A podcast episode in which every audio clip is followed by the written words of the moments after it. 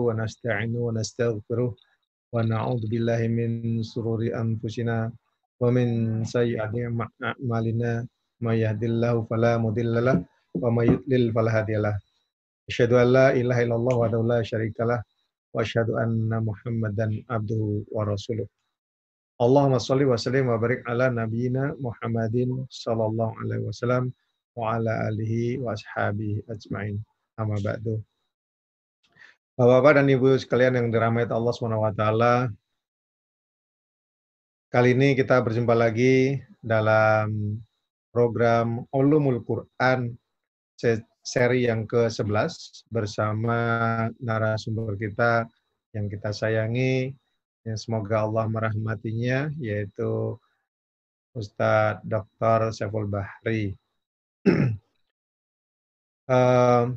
dan pada kajian ke seri 11 ini itu adalah uh, tentang nida dalam Al-Quran atau panggilan-panggilan yang ada di dalam Al-Quran yang Allah gunakan.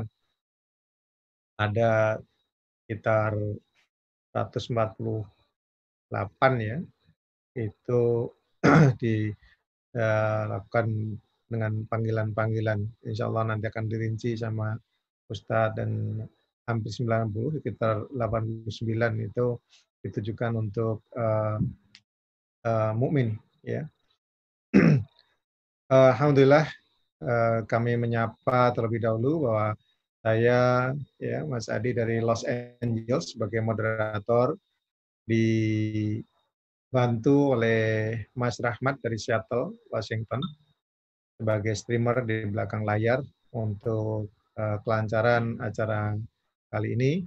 Dan saat ini di sisi barat Amerika atau Los Angeles dan Pasifik uh, pukul 15.30 ya atau jam setengah empat sore namun di sisi timur Amerika jam 6.30. Dan tentunya di Indonesia atau Jakarta, waktu Indonesia Barat adalah jam setengah 6 pagi. Perbedaan waktu yang uh, sangat berbeda dan di sini masih hari Sabtu dan di Indonesia Ahad pagi. Baik, insya Allah uh, bagi yang akan uh, bertanya seperti biasa, silahkan uh, ketik di chat room atau yang uh, ada di WhatsApp grup uh, kelas Ulumul Quran, silahkan ajukan pertanyaan di sana juga bisa. Atau kalau yang ingin langsung menyampaikan pertanyaan kepada Ustadz, silahkan angkat tangannya, raise hand di uh, partisipan room. Ya, nanti insya Allah kita berikan kesempatan dan mudah-mudahan bisa terjawab semuanya dengan uh, waktu yang sangat terbatas ini. Mudah-mudahan semua dapat uh, uh, mendapatkan ilmu yang baru, dan menambah pemahaman kita tentang ulumul Quran. Untuk itu, kami tidak akan memperpanjang lagi untuk uh, segera uh, mulai. Namun sebelumnya, mari kita sama-sama mulai dengan membaca basmalah. Bismillahirrahmanirrahim. Selanjutnya kami uh, serahkan kepada Ustadz Syaful Bari. Tahu-tahu Ustadz. Terima kasih Mas Adi. Assalamualaikum warahmatullahi wabarakatuh. Bismillahirrahmanirrahim. Alhamdulillahilladzi amaddana bi anwa'in ni'am Qur'an. Allahumma salli wa sallim wa barik ala nabiyyina al-karim Muhammadin sallallahu alaihi wasallam wa ala alihi wa ashabihi wa man tabi'ahu bi ihsan. Amma ba'd. Bapak Ibu, kaum muslimin dan muslimat, sahabat Radio Insa, terkhusus yang ada di Amerika dan Kanada, dan di berbagai tempat lainnya. Bersyukur kepada Allah adalah hal yang uh, lazim kita lakukan, terutama bagi kami yang ada di Indonesia yang baru saja dihidupkan kembali dengan harapan-harapan baru, menempuh hari baru, memulai dengan hal yang Eh, kita harapkan menjadi inspirasi kebaikan di hari Ahad. Demikian juga ya, yang ada di Amerika dan Kanada diharapkan ini adalah detik-detik pergantian shift malaikat di petang hari mudah-mudahan mendatangkan kebaikan dan akan mengakhiri hari uh, Sabtu dengan kebaikan pula. Terlebih jika kebaikan itu adalah uh, adalah sentuhan-sentuhan kalam Allah, uh, dengan ini kita berharap mendapatkan uh, keberkahan, mendapatkan ridho Allah Subhanahu wa taala. Tanpa terasa, ini adalah perjumpaan yang ke-11 dalam serial kajian studi Al-Qur'an atau Ulumul Quran dan uh, pagi ini atau sore di uh, waktu Amerika dan Kanada kita insya Allah akan membahas tentang berbagai macam nida di dalam Al-Quran uh, yang uh, secara jelas disebut dengan kata-kata ya atau he atau wahai ya. Meskipun sebenarnya uh, ada kata yang atau kalimat atau redaksi yang sifatnya bukan nida tetapi juga dimaksudkan seperti itu tetapi kita akan membahas uh, macam-macam panggilan yang uh, ada di dalam Al-Qur'an mohon izin uh, Al-Fakir akan uh, coba share screen ya, materi yang sudah disiapkan. Baik. Redaksi uh, nida di dalam Al-Quran.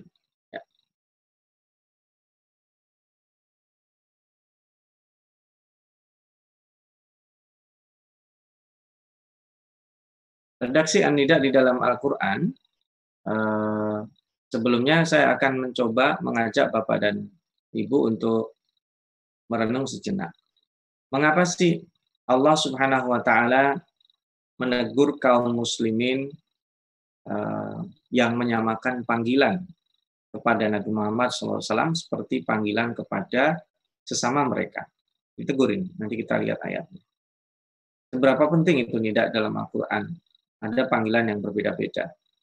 Eh, lalu mengapa Allah tidak menyukai panggilan yang buruk? Ya, jadi ada panggilan yang tidak disukai oleh Allah Subhanahu Wa Taala, panggilan yang buruk. Ya, bi'salis fusuq iman itu tidak disukai oleh Allah Subhanahu Wa Taala. Ini penjelasan bisa kita lihat adab-adab memanggil orang di dalam surat uh, Al-Hujurat. Misalnya di ayat 2, A'udzubillahi minasyaitonirrajim. يا أيها الذين آمنوا لا ترفعوا أصواتكم فوق صوت النبي ولا تجهروا له بالقول كجهر بعضكم لبعض أن تحبط أعمالكم وأنتم لا تشعرون Nah ini eh, seseorang dilarang mengangkat suara. Ya, nanti ini diperjelas di ayat 4 ya, saya bacakan dulu ya. Ladzina yunadunaka min wara'il hujurati aktsaruhum la ya'qilun. Jadi orang-orang yang memanggil dengan panggilan keras ya kayak orang mau ngajak main bola. Jadi dulu ada surat ini disebut al-hujurat karena mereka itu memanggil Nabi Muhammad pertama menyebut nama langsung. Yang kedua manggilinya kayak orang ngajak main bola waktu kita kecil dulu ya. Eh, Ahmad, eh Fulan, yuk main bola yuk, ayo main. Jadi teriak dari luar pagar, kencang. Karena mereka tidak tahu kenapa disebut Al-Hujurat. Nabi Muhammad SAW ini tidak diketahui berada di mana. Uh, Al-Hujurat itu adalah kamar-kamar istri Rasul ya. Uh, yang paling dekat dengan masjid itu adalah Eh, kamar Aisyah radhiyallahu anha. Nah, orang-orang itu kalau memanggil Nabi Muhammad, pertama dipanggil namanya, yang kedua eh, manggilnya keras gitu. "Eh Muhammad, eh ayo, eh ada ini, kami ada itu." Jadi panggilan itu eh, dirasa kurang cocok. Nah, maka Allah Subhanahu wa taala mengecam, eh, melarang orang-orang yang memanggil itu dan disebut aktsaruhum la yaqilun orang nggak mikir apa gitu. Harusnya kan dia menghormati posisi Nabi. Nah, kalau mau memanggil ya dia gampang aja. Rumah Aisyah karena Aisyah ini adalah ibaratnya orang paling tahu Nabi Muhammad SAW itu sekarang ada di mana dari sekian al-hujurat itu sehingga bisa diketahui posisi beliau. ini yang pertama. Yang kedua, uh, di ayat 11 kita membaca ya.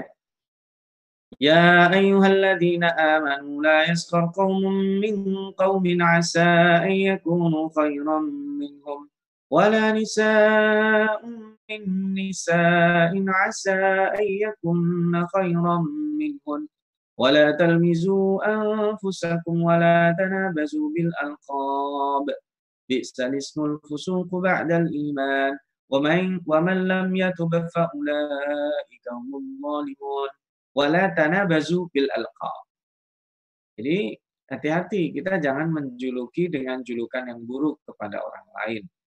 Apalagi orang-orang yang sudah disediakan nama yang baik oleh orang tuanya. Kita panggil misalnya eh Bagong, eh Petruk.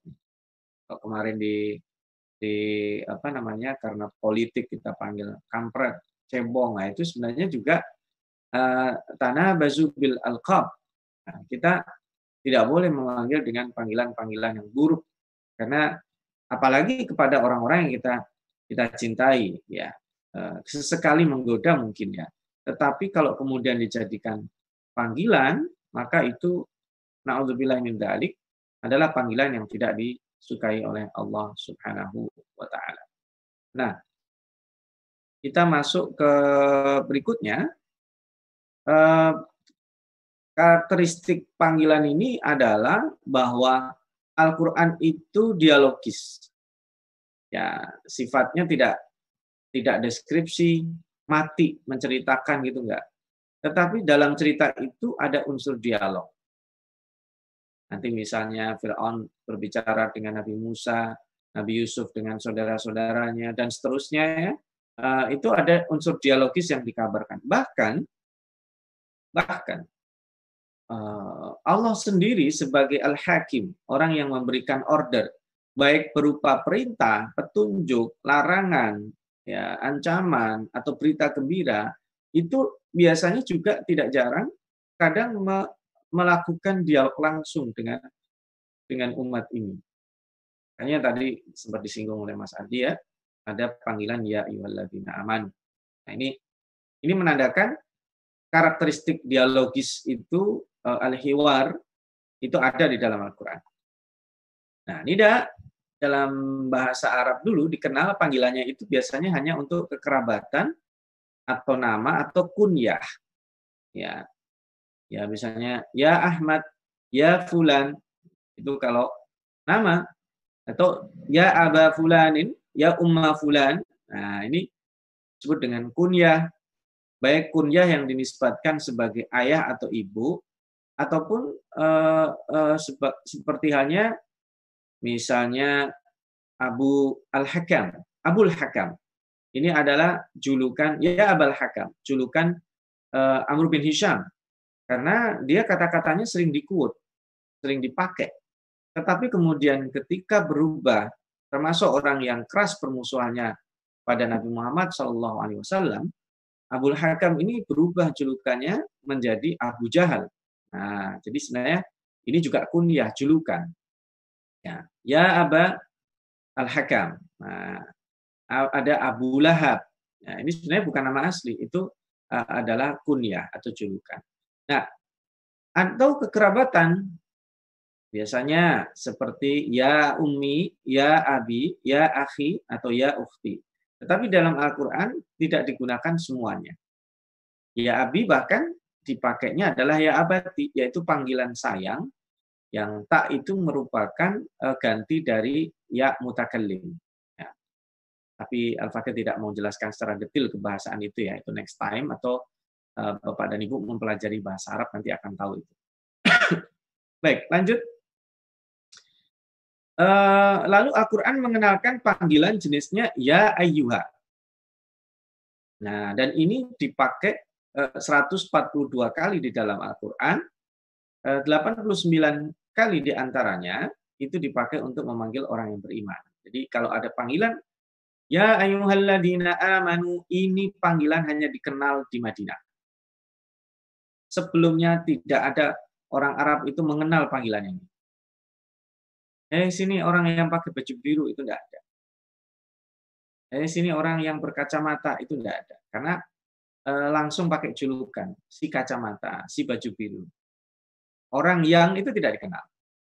Ini menarik karena uh, ya ayyuhalladzina amanu wahai orang yang sudah percaya kepadaku begitu kira-kira. Kan kalau kita sering dapatnya orang yang beriman, padahal itu menggunakan fi'il maldi. Eh, orang-orang yang udah percaya sama saya. Itu kan panggilan trust di situ. Memposisikan kita itu yang dipanggil adalah orang yang percaya sama Allah. Berarti ini bentuknya adalah tashrif, kemuliaan. Ya. Kemudian uh, ada yang menarik, Nabi Muhammad SAW itu disebut empat kali, tapi tidak sekalipun dipanggil namanya. Ya Muhammad itu tidak ada. Nama beliau empat kali Muhammad, satu lagi disebut Ahmad, ya. Tetapi semuanya tidak ada eh, digunakan untuk panggilan. Dan narasi itu sebagiannya, bagian besarnya itu dikaitkan dengan fungsi kerasulan. Wa ma Muhammadun illa rasul. Eh, Muhammadun Rasulullah di uh, surat Muhammad itu ya. Jadi Eh, fungsi penyebutan nama sendiri pun tidak terlepas dari fungsi kerasulan beliau. Nah, tetapi untuk Nabi Muhammad itu dipanggilnya adalah dua dengan menggunakan ya ayuhan nabi itu diulang 13 kali dan ya ayuhar rasul itu diulang eh, sebanyak dua kali.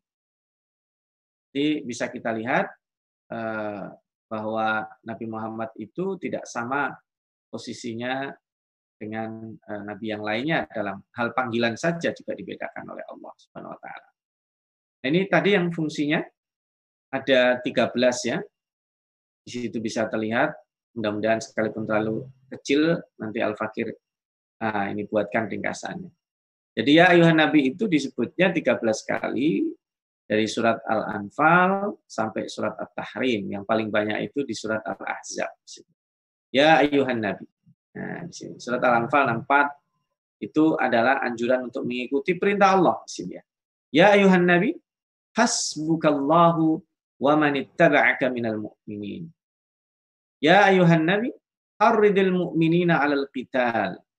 Ya ayuhan nabi, qul liman fi aidikum minal asra. Ini terkait dengan uh, tawanan perang ya. Jadi kita bisa melihat bagaimana Allah Subhanahu wa taala menyebut ada nubuah, itu ada konsekuensi hukumnya di situ. Anjuran mengikuti Allah pasti ya, kewajiban berjihad.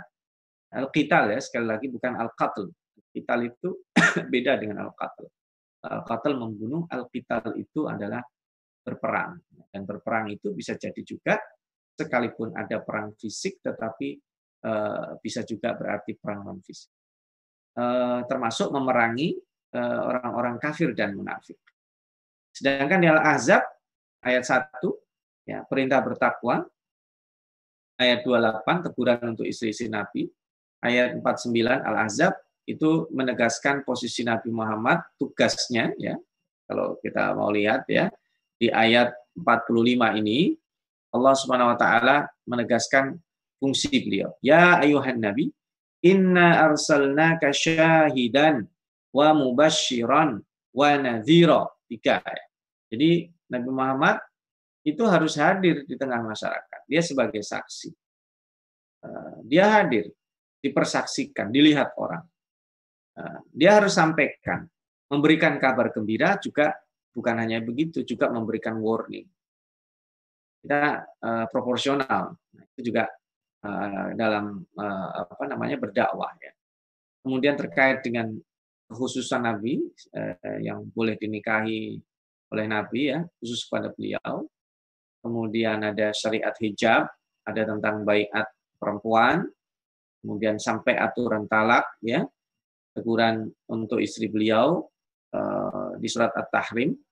Misalnya kita eh, eh, pernah tadaburi dalam beberapa waktu lalu eh, kecemburuan yang mengakibatkan Nabi Muhammad SAW mengharamkan sesuatu yang halal. Nah, ditegur di surat At-Tahrim ayat 1 dan yang terakhir eh, redaksi yang sama di Taubah 73. Itu ringkasnya. Kemudian panggilan Rasul. Ini disebut hanya dua kali saja di surat Al-Maidah dua-duanya. Yang satu di ayat 41, yang satu di ayat 67. Di ayat 41 ini panduan agar uh, Rasulullah SAW itu fokus pada dakwah. Tidak usah sedih ya kalau seandainya dicuekin orang. Nah, maka saya bacakan ayatnya ya. Ya ayuhar rasul la yahzunka alladziina yusari'una fil kufri minal ladzina qalu amanna ya bi afwahihim wa lam tu'min qulubuhum. Enggak usah sedih Muhammad kalau ada orang yang cepat sekali itu berubah jadi kufur padahal mereka dengan mulut mereka mengatakan kami beriman. Karena tugas tugas Anda itu hanya berdakwah. Diteror, respon mereka yang negatif, udah dan tempo hari pernah Fakir juga sampaikan ya, Allah berfirman, Innalladzina kafaru sawa'un alaihim a'andartahum am lam tundirhum la yu'minun. Sawa'un alaihim, mereka itu sama aja mau dikasih nasihat, gak dikasih nasihat, uh, begitu, gitu, memusuhi kamu.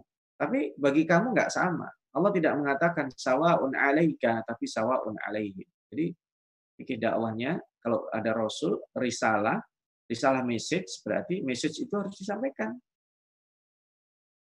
Maka ini tidak terkait dengan hukum kalau yang ini. Ini terkait dengan motivasi, dengan fikir dakwah. Kalau yang ya Nabi terkait dengan hukum. Yang kedua, di ayat 67, mari kita baca.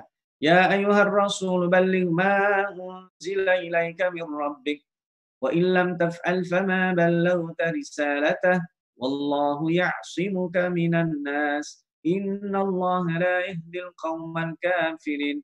Ini terkait dengan kewajiban menyampaikan atau sering disebut dengan tablik. Nah, sampaikan aja. Lanjutkan yang tadi 41 ya. Sampaikan aja. Wallahu ya'simuka minan nas. Allah yang menjaga. Maksum. Rasulullah itu tidak akan melakukan blunder. Ya, melakukan kesalahan besar.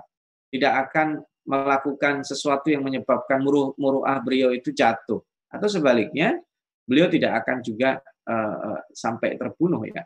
ya. Para nabi disakiti oleh kaumnya, fisik, diteror, fisik, psikis, tetapi uh, mereka diselamatkan Allah. Memang ada yang sampai dibunuh, ya. tetapi Rasulullah SAW dijaga, tidak akan sampai terbunuh, uh, dan penjagaan itu bukan berarti kemudian kayak superhero tidak terluka sedikit pun, oh tidak. Itu maknanya maksum. Yang pertama ismah itu adalah ismah dari berbuat keburukan. Ya. Nah, tugas beliau hanya menyampaikan, udah tidak usah di, di, dibebani lebih dari itu. Sama dengan kita. Seorang dai menyampaikan sesuatu itu dia berpikir metodologi saja dan materi yang disampaikan. Sedangkan hasilnya pasrahkan kepada Allah. Nah, mohon izin Bapak Ibu, sahabat Radio Imsa yang ada di mana pun, kita coba lihat beberapa nida untuk para nabi. Ya Adamu dipanggil lima kali. Uskun anta wa zawjukal jannah.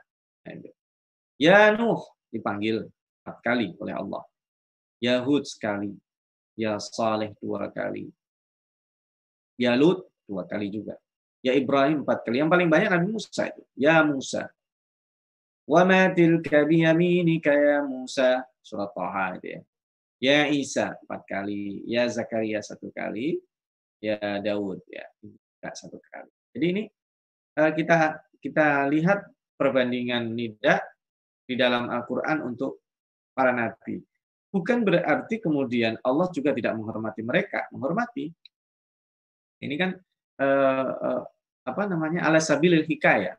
Allah mengisahkan bagaimana Allah memanggil mereka tapi tidak dengan Nabi Muhammad yang present time-nya pada waktu itu memang Al-Quran diperuntukkan uh, kepada umatnya melalui beliau. Nah ini kita masuk pada panggilan yang 89. Al-Fakir nggak masuk semua ya, nanti ada beberapa saja. Kenapa Allah memanggil Ya ayuhalladzina amanu ini di 89 kali di 20 surah. Al-Fakir sudah sebutkan semua situ, Al-Baqarah 11 kali, Ali Imran eh, tujuh kali, surat An-Nisa eh, sembilan kali, dan yang paling banyak ya ayyuhalladzina amanunya itu di surat Al-Maidah. Kita akan coba lihat satu-satu. Surat Al-Anfal enam kali, At-Taubah enam kali, Al-Hajj enam kali, surat An-Nur tiga kali, Al-Ahzab enam kali, kemudian ke bawah ini uh, ada beberapa uh, tidak terlalu banyak. Termasuk Al-Hujurat yang tadi kita tadaburi itu ada lima kali ya. Nah, Mari kita lihat surat yang paling banyak ya ayyuhalladzina aman. yaitu surat Al-Maidah. Nah, ini panggilan untuk orang beriman di surat ini ada 16 kali. Tempo hari kita pernah uh, apa namanya di di Pilkada Jakarta ya. Uh, itu ada ayat 51 ini yang yang yang trending ya. Tetapi seseorang tidak akan bisa langsung diajak uh, straight di ayat 51. Dia harus juga diajak berpikir dari sejak ayat 1 ayat 2, ayat 6. Itu kan ayat 1 kita disuruh untuk komitmen. Ya ayyuhalladzina amanu aufu bil uqud. Ya, aufu bil uqud. Al-wafa bil uqud. Komitmen dengan kontrak, dengan uh, janji, dengan uh, sesuatu yang yang bermakna uh, ukut, akad ya. Apa saja. Kita menghormati itu. Janjian jam 10 ya jam 10. Ya, akadnya dua tahun ya dua tahun. Tapi ini akad basicnya yang yang yang yang sohi. Ada juga akad yang basicnya tidak sohi. Apa itu? Akad nikah yang basicnya tidak sohi. Ya. Saya menghormati kontrak kok. Kenapa? Oh saya kontrak nikahnya cuma satu tahun aja, batil. Karena ada kaidah lainnya harus disamakan. An nikahu biniyatit tolak batil. Nikah dengan niat talak itu tidak sah. Jadi basic segala sesuatu itu uh, adalah hak benar. Karena kalau dicampur adukkan menjadi tidak tidak benar. Komitmen. Mohon maaf, mohon izin seseorang komitmen untuk ngedit ya. Uh, bahkan naudzubillah misalnya berzina, udah kontrak, udah bayar naudzubillah misalnya DP, ya harus dibatalkan. Karena itu tidak boleh justru ditepati janjinya. Seorang bernadar, kalau saya naik jabatan, oh saya akan kirim uh, dia staff-staffnya dijanjiin satu rumah akan dikirim satu krat bir ya. Satu krat satu krat satu krat. Ternyata dia naik jabatan. Apakah dia harus komitmen dengan janjinya? Tentu tidak. Karena janji itu adalah uh, basicnya adalah menyalahi syariat. Maka nazar seperti itu wajib dibatalkan dan dia membayar kafarat ya sama dengan juga seorang melakukan kebaikan tersenyum misalnya senyumnya seseorang itu harus basicnya betul karena kalau tidak akan menyalahi syariat. Ya, mohon izin mohon maaf sekali lagi kalau contohnya tidak berkenan. Seseorang yang ada di di diskotik dan di bar-bar misalnya, uh, apalagi seorang perempuan, dia uh, tersenyum tentunya menyambut para pelanggan itu uh, kalau dilihat dari kacamata umum bagus, tetapi kalau basicnya adalah tersenyum Eh, di kasino, eh, para pelayan kasino tersenyum. Apakah itu sama dengan senyumnya yang dilakukan seseorang ketika uh, tersenyum pada saudaranya? Jadi basicnya memegang janji itu adalah syariah. Apalagi kalau dilanjutkan, uhillat lakum bahimatul an'am, itu minimumnya. Seseorang menjaga komitmen itu dimulai dengan uhillat lakum tadi, uh, uh, halal style, halal lifestyle. Dan halal lifestyle itu adalah dimulai dari makanan. Eh, terutama eh, di sini Bapak Ibu yang ada di di Amerika dan di Kanada yang mungkin sekarang tidak seperti dulu. Sekarang makanan halal sangat mudah sekali. Jadi uh, jauh dengan dulu. Ya, dulu kita dengar kondisi itu sulit. Sekarang jauh lebih mudah. Artinya tidak ada alasan lagi untuk tidak tidak memastikan ini halal atau tidak. Ini sudah tidak ada alasan. Kalau dulu mungkin banyak uh, apologi, kalau sekarang tidak. Artinya pada saat saya mau makan, harus pastikan ini halal. Halal materialnya, halal yang saya gunakan untuk membeli itu uangnya juga uang halal, cara menghidangkannya juga halal ya. Nah, itu ukhilat lakum bahimatul an'am. Kita terlatih untuk komitmen dengan itu. Sekalipun tidak ada siapa-siapa tidak tahu makanan halal ya. Halal materinya ya. Materinya itu tidak terbuat uh, tidak terdiri dari yang diharamkan Allah atau halal caranya. Ini halal tetapi diambil mencuri ya jadi haram. Ini halal, tapi uang yang digunakan untuk memberi adalah uang korupsi misalnya, jadi haram. Jadi ini ini ini menarik. Nah orang kalau sudah bisa diajak berbicara di nomor satu, larangan melanggar syiar, perintah berwudu, menegakkan keadilan, ya ayuhalladzina amanu kunu qawwamina bil qisti lillahi syuhada. Jadi uh, uh, apa namanya? kunu qawamina lillahi syuhada abil qisti wa la yajrimannakum syana'an qaumin. Itu kan perintah menegakkan keadilan sekalipun kepada orang yang tidak kita sukai atau orang yang sering memusuhi kita. Ya, mengingat Allah, kemudian bertakwa, terus. Nah, baru kemudian orang orang-orang yang sudah bertahap memahami ya ayyuhalladzina amanu itu akan nyambung diajak ngobrol di ayat 51 dan 54 kemudian 57 yang eskalasinya itu uh, lebih kadang terkait secara politis ya. Nah, debatable nanti jadinya orang kalau langsung to the point di ayat 51 uh, eh, persepsinya juga berbeda apalagi nanti nuansa politisnya lebih dominan daripada nuansa ideologinya uh, sudah selesai itu. Nah, dan seterusnya. Jadi ini ada ada ancaman terhadap orang yang murtad. Nah, ini murtad ini juga kalau dikaitkan dengan kehidupan modern uh, perlu dipertegas apa makna murtad itu sendiri. Dan orang sering salah paham juga kenapa ada hukuman mati untuk murtad. Nah, yang disebut hukuman mati untuk orang yang murtad adalah al-mufariqul jamaah dalam hadis-hadisnya. Tentu tidak ada dalam Al-Qur'an memang. Dan di dalam Al-Qur'an ini hukumannya hukuman normatif. Ya ayyuhalladzina amanu may yartadda minkum an dinihi fasawfa ya'tillahu biqaumin yuhibbuhum wa yuhibbuna. Itu kan orang kalau murtad Allah akan gantikan orang lain yang lebih baik yang Allah cintai dan mereka mencintai Allah. Jadi uh, ini sebenarnya dijadikan dalih oleh orang para pegiat hak asasi manusia bahwa uh, hukuman murtad ini adalah menyalahi hak asasi. Padahal orang kalau dia convert ya keluar dari agama Islam ke agama yang lain secara personal tidak mengajak orang lain itu tidak tidak mendapatkan hukuman. Paling diperingatkan saja takzir hukumannya. Takzir itu kan e, bisa minimal bisa maksimum ya. Minimal itu teguran maksimum sampai hukuman mati tergantung kondisinya tetapi kalau sudah al mufariqulil jamaah dia menghasut orang mengajak orang ya untuk keluar dari agama Allah Nah, itu yang di, kemudian dihukum mati oleh hadis-hadis yang ada di dalam uh, terkait pembahasan tentang murtad. Ya, itu ya.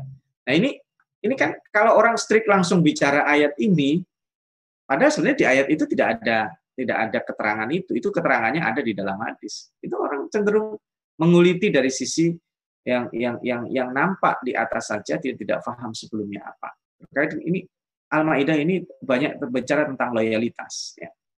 Lalu kena, uh, jangan mengharamkan uh, sesuatu yang uh, dihalalkan di ayat 87, uh, larangan khamer, berjudi, tentang binatang buruan, kemudian uh, aturan pada saat ihram, ya, kemudian uh, dilarang bertanya, la tas'alu an asya'a intu bedalakum nasukum. Banyak bertanya yang menyulitkan diri sendiri itu uh, dilarang. Kayak Bani Israel, disuruh nyembeli sapi harusnya udah sembeli aja. Ditanya sapinya ini uh, uh, warnanya apa? Uh, tua atau muda? Dipakai untuk uh, uh, apa namanya uh, di sawah atau yang uh, di kandang saja? Dan seterusnya. Malah mempersulit diri sendiri. Ini 16 aturan di surat Al-Maidah ini menarik untuk dipelajari uh, selain uh, di tempat yang lain. Ini silakan nanti uh, Bapak dan Ibu, ini saya hanya memberikan uh, guideline saja ini ya. Ada ayat-ayat ini bisa dilihat nanti. Kenapa tadi Al-Fakir highlight Al-Maidah? Karena dia paling banyak. Satu surat tapi paling banyak penyebutannya. Karena Al-Maidah sendiri kan dia kalau diurutkan surat Al-Maidah itu setelah surat uh, An-Nisa ya. Uh, surat hidangan. Jadi An-Nisa itu ibaratnya adalah tatanan sosial. Al-Maidah ini adalah hidangan yang sudah tersedia untuk membantu tatanan sosial yang dibangun. Dan tatanan sosial yang dibangun itu dimulai dari perempuan. Surat Anisa itu tidak hanya berisi tentang perempuan, tapi berisi tentang tatanan sosial. Bahkan termasuk aturan perang pun ada di situ. Ada uh, perjanjian, adanya perdamaian, itu kan menarik sekali. Kenapa kok dibahas di surat Anisa? Karena itu terkait dengan tatanan sosial, berinteraksi juga dengan orang lain, uh, tentang kemunafikan juga dibahas secara internal, baru kemudian dikasih uh, tatanan oleh Allah Subhanahu wa taala yang kalau di surat An-Nisa hanya 9 kali maka dinaikkan eskalasinya menyebut ya ayyuhalladzina amanu 16 kali. Itu strukturnya ya. Kemudian Ada panggilan lain itu ya ayuhan nas. Ada memang ya ayuhal insan tapi Al-Fakir tidak tidak pakai itu ya. Ini bisa di, dicari ya ya ayuhal insan itu single. Kalau uh, ya ayuhal insan itu seingat Al-Fakir hanya dua kali kalau tidak salah. Dua atau tiga, tidak banyak ya. Tapi yang banyak disebut adalah ya ayuhan nas. Jadi plural. Disebut 20 kali di 9 surat. Al-Baqarah dua kali, An-Nisa sembilan kali, Al-A'raf satu kali, Yunus empat kali, dan seterusnya. Ini uh, berarti menjadi panduan kita dalam berinteraksi dengan manusia yang plural. Menarik ini. Jadi Allah Subhanahu wa taala memberikan guideline bagi seorang ya orang muslim dalam berinteraksi dengan orang dengan berbagai macam eh, latar belakang dan uh, pluralitas yang bermacam-macam. Nah, misalnya di dalam surat Al-Baqarah. Ini penyebutan pertama kali ya ayuhan nas. Ya ayuhan nas wa'budu rabbakumul ladzi khalaqakum wal ladzina min qablikum la'allakum tattaqun. Wahai manusia, sembahlah Allah. Berarti kan ini tugas dakwah kita, ya menyampaikan mengenalkan ya, dengan cara smart tentunya ya. Kemudian di 168 ayyuhan nasu kulu mimma fil ardi halalan thayyiba wa la tattabi'u khutuwati syaitan innahu lakum aduwwum mubin. Ini menarik ya. Perintah makan makanan halal ini diperintahkan kepada seluruh manusia. Maknanya apa? Maknanya Seorang mukmin itu tidak perlu takut pada saat dia berjualan makanan halal, itu hanya akan dikonsumsi orang muslim saja. Pada faktanya, yang memakan makanan halal itu bukan hanya orang muslim saja, tapi dimakan juga oleh orang yang lainnya. Maka eh, kalau orang non muslim itu dia cerdas, misalnya dia berada di sebuah distrik yang situ orang muslimnya banyak, dia buka restoran, restoran halal, justru dia akan untung. Kenapa? Karena yang akan mendatangi restorannya itu eh, pertama orang orang muslim akan mantap makan di situ dan orang non muslim makan di situ juga tidak dilarang. Jadi ini menarik. Di cara kita menyampaikan dakwah terkait dengan halal lifestyle kepada manusia di 168 ini uh, adalah terkait dengan cara. Dan ketika Allah Subhanahu wa taala menyebutkan wala tattabi'u syaitan, ini terkait juga bahwa kita kalau sembarangan makan itu sudah masuk jebakan setan. Orang sembarangan makan, makan sikat. Ada ini sikat. Itu menjadi pola hidup. Nah. Ada anggaran ini oh nggak dipakai, sikat. Ada ini subhat, oh nggak apa-apa, sikat. Karena halalan toyiba. Nanti di ayat lain bukan hanya sekedar kita makan. Ya. Anfiku min toyibati ma rasaknakum. Kita memberi kepada orang lain itu dari yang toyiba.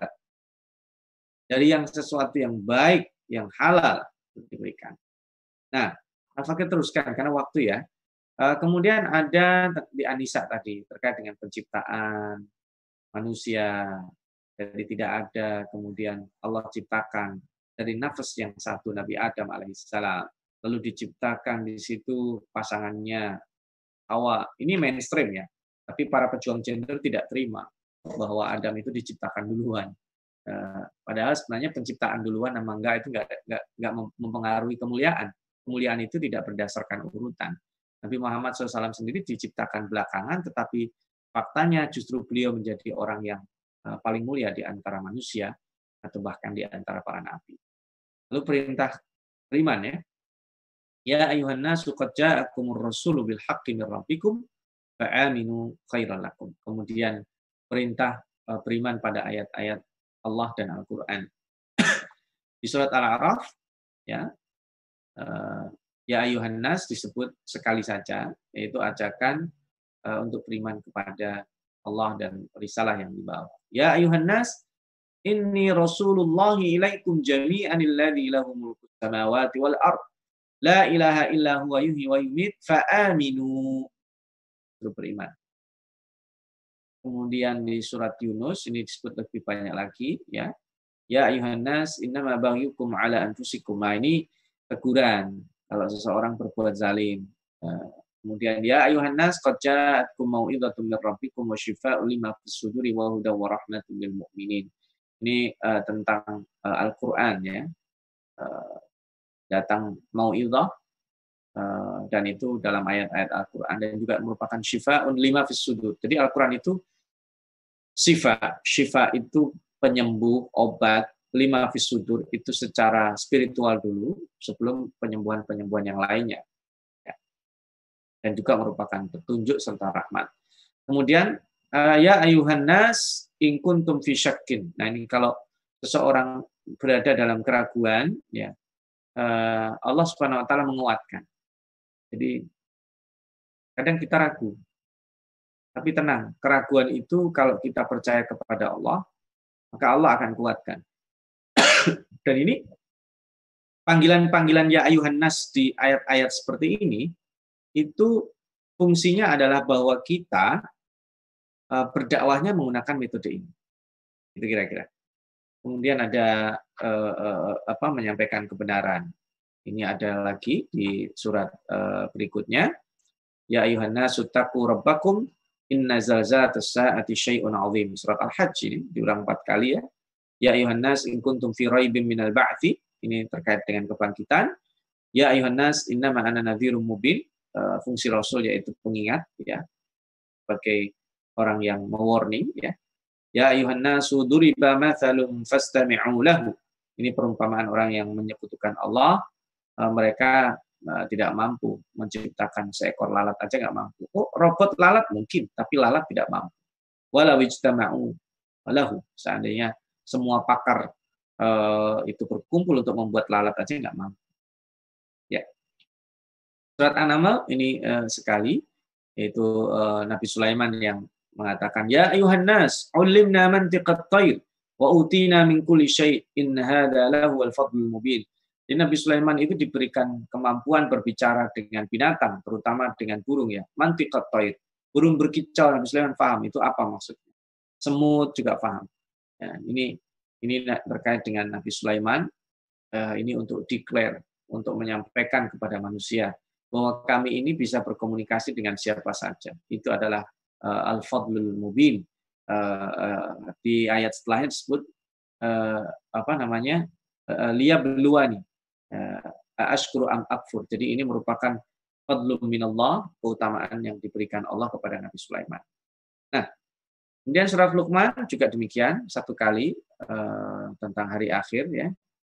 Uh, kemudian surat Fatir tiga kali disebut Eh, tentang nikmat dan rizki, kemudian tentang kebenaran janji Allah, eh, kemudian penegasan bahwa Allah adalah zat yang maha kaya.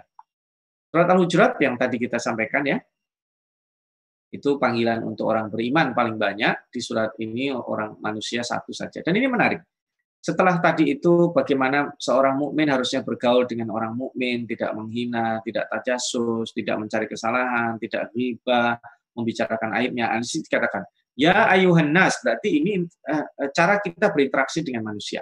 Inna halakna min dzakarin wa unsa. Kita diciptakan ini dari laki-laki dan perempuan. Wa ja'alnakum syu'uban wa qabaila. Kalian dijadikan berbangsa-bangsa dan bersuku-suku. Li untuk saling mengenal, saling berinteraksi. Masya Allah. Karena keutamaan manusia itu bukan dari suku mana, dari warna kulitnya apa, bahasanya apa. Dan sekarang standar. Manusia begitu kan. Eh, penghargaan manusia sekarang aja begitu. Mohon izin, mohon maaf. Oh, si Fulan hebat. Kenapa? Oh, dia bisa lima bahasa. Nah, di standar itu. Kompetensinya itu kompetensi kompetensi itu yang dilihat. Oh, si fulan oh, mulia, kenapa? Oh, dia punya rumah besar. Oh, dia punya usaha ini, usaha itu. Oh, dia punya koneksi ini, koneksi itu. Padahal bukan itu. Inna akramakum indallahi atqakum. Yang paling bagus itu adalah mi'yar, adanya standar kebaikan itu adalah ketakwaan seseorang kepada Allah. Dan kemudian terakhir, sebelum kita lesson learn, sebenarnya Allah itu ingin dipanggil apa? Nah, ini menarik ya. Eh, Al-Fakir coba teliti sekilas ya. Kata-kata uh, Rabbana di dalam Al-Quran yang diulang 104 kali, sebagian besarnya itu digunakan untuk nida. Jadi kita diajari. Diajari manggil Allah itu paling banyak apa? Rabbana. Rabbana hablana min azwajina wa dhurriyyatina qurrata ayun. Uh, ya. Rabbana arina manasikana. Rabbana la taj'alna fitnatan lil qaumidz zalimin. Itu itu berarti eh, dibanding Rabbi ya, emang ada Rabbi ja'alni muqimas shalah, Rabbi ja'al hadzal balada amina itu anak Nabi Ibrahim ya. Tapi Rabbana paling banyak. Karena ini identik Arab itu identik dengan tarbiyah. Tarbiyah itu identik bukan hanya dengan penciptaan, lebih kepada pengurusan. Ya Allah, yang maha tahu urusanku, uruslah urusanku ya Allah. Ya Allah, engkau maha tahu. Maka uh, sering ya ada kita diajarkan doa, ikfini bihalalik, cukupkan dengan yang halal ya Allah. Jangan sampai aku melirik yang syubhat ya Allah. Kadang juga uh, ada doanya itu ya ashabul ukhdud ya. Uh, ketika mereka dibantai dengan dibakar hidup-hidup ya. Uh, itu kan gulam yang tadi nggak bisa dibunuh itu kan doanya sederhana. Allahumma kfini bima syi'ta wa kaifa syi'ta. Ya Allah cukupkan aku denganmu. Ya dengan apa yang kau inginkan. Maka orang itu tidak mampu membunuh. Ya mudah didatangkan pak pembunuh bayaran kelas kakap. Nggak bisa membunuh gulam itu. Hingga akhirnya gulam masih tahu kalau kamu mau bunuh aku ucapkan Bismillah. Bismillahirrahmanirrahim. Nah, Bismillahirrahmanirrahim kamu ucapkan dengan lantang. Maka pada saat dia mengucapin pelan nggak bisa ketika dia Bismillahirrahmanirrahim gulam lantang raja yang zalim itu kemudian dia panas si gulam terkena Eh, di lehernya dan gulam itu mati. Dia kemudian bangga bisa mengalahkan gulam, tapi justru yang terjadi titik balik orang-orang di di negeri itu mayoritas kemudian beriman dan dia harus menyediakan parit besar untuk membakar dan membunuh mereka. Jadi eh, kisah di balik panggilan Allah itu ingin dipanggil apa? Sama seperti kita. Kita itu ingin dipanggil apa oleh anak kita itu harus dilatih ya mau dipanggil mom atau dad, mau dipanggil umi atau abi, mau dipanggil ayah, bunda, eh, papa, mama dan sebagainya. Itu kan kita ngajarkan kepada anak kita. Allah juga ngajarin kita. Manggil Allah itu Rabbana. Memang ada panggilan Allahumma dan itu tidak semuanya orang yang beriman. Nah, ada juga panggilan yang tidak tahu. Ya sebagai pengganti. Ya Allah itu uh, tidak ada di dalam Al-Quran. Adanya adalah Allahumma. Nah, adapun ilah yang disebut 93 kali di dalam Al-Quran tidak satu pun digunakan untuk uh, di, uh, memanggil di dalam doa. Ya ilahi itu tidak ada.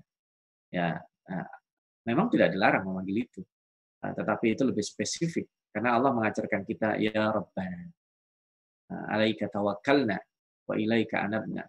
Uh, Rabbana itu panggilan yang disukai Allah Subhanahu wa taala.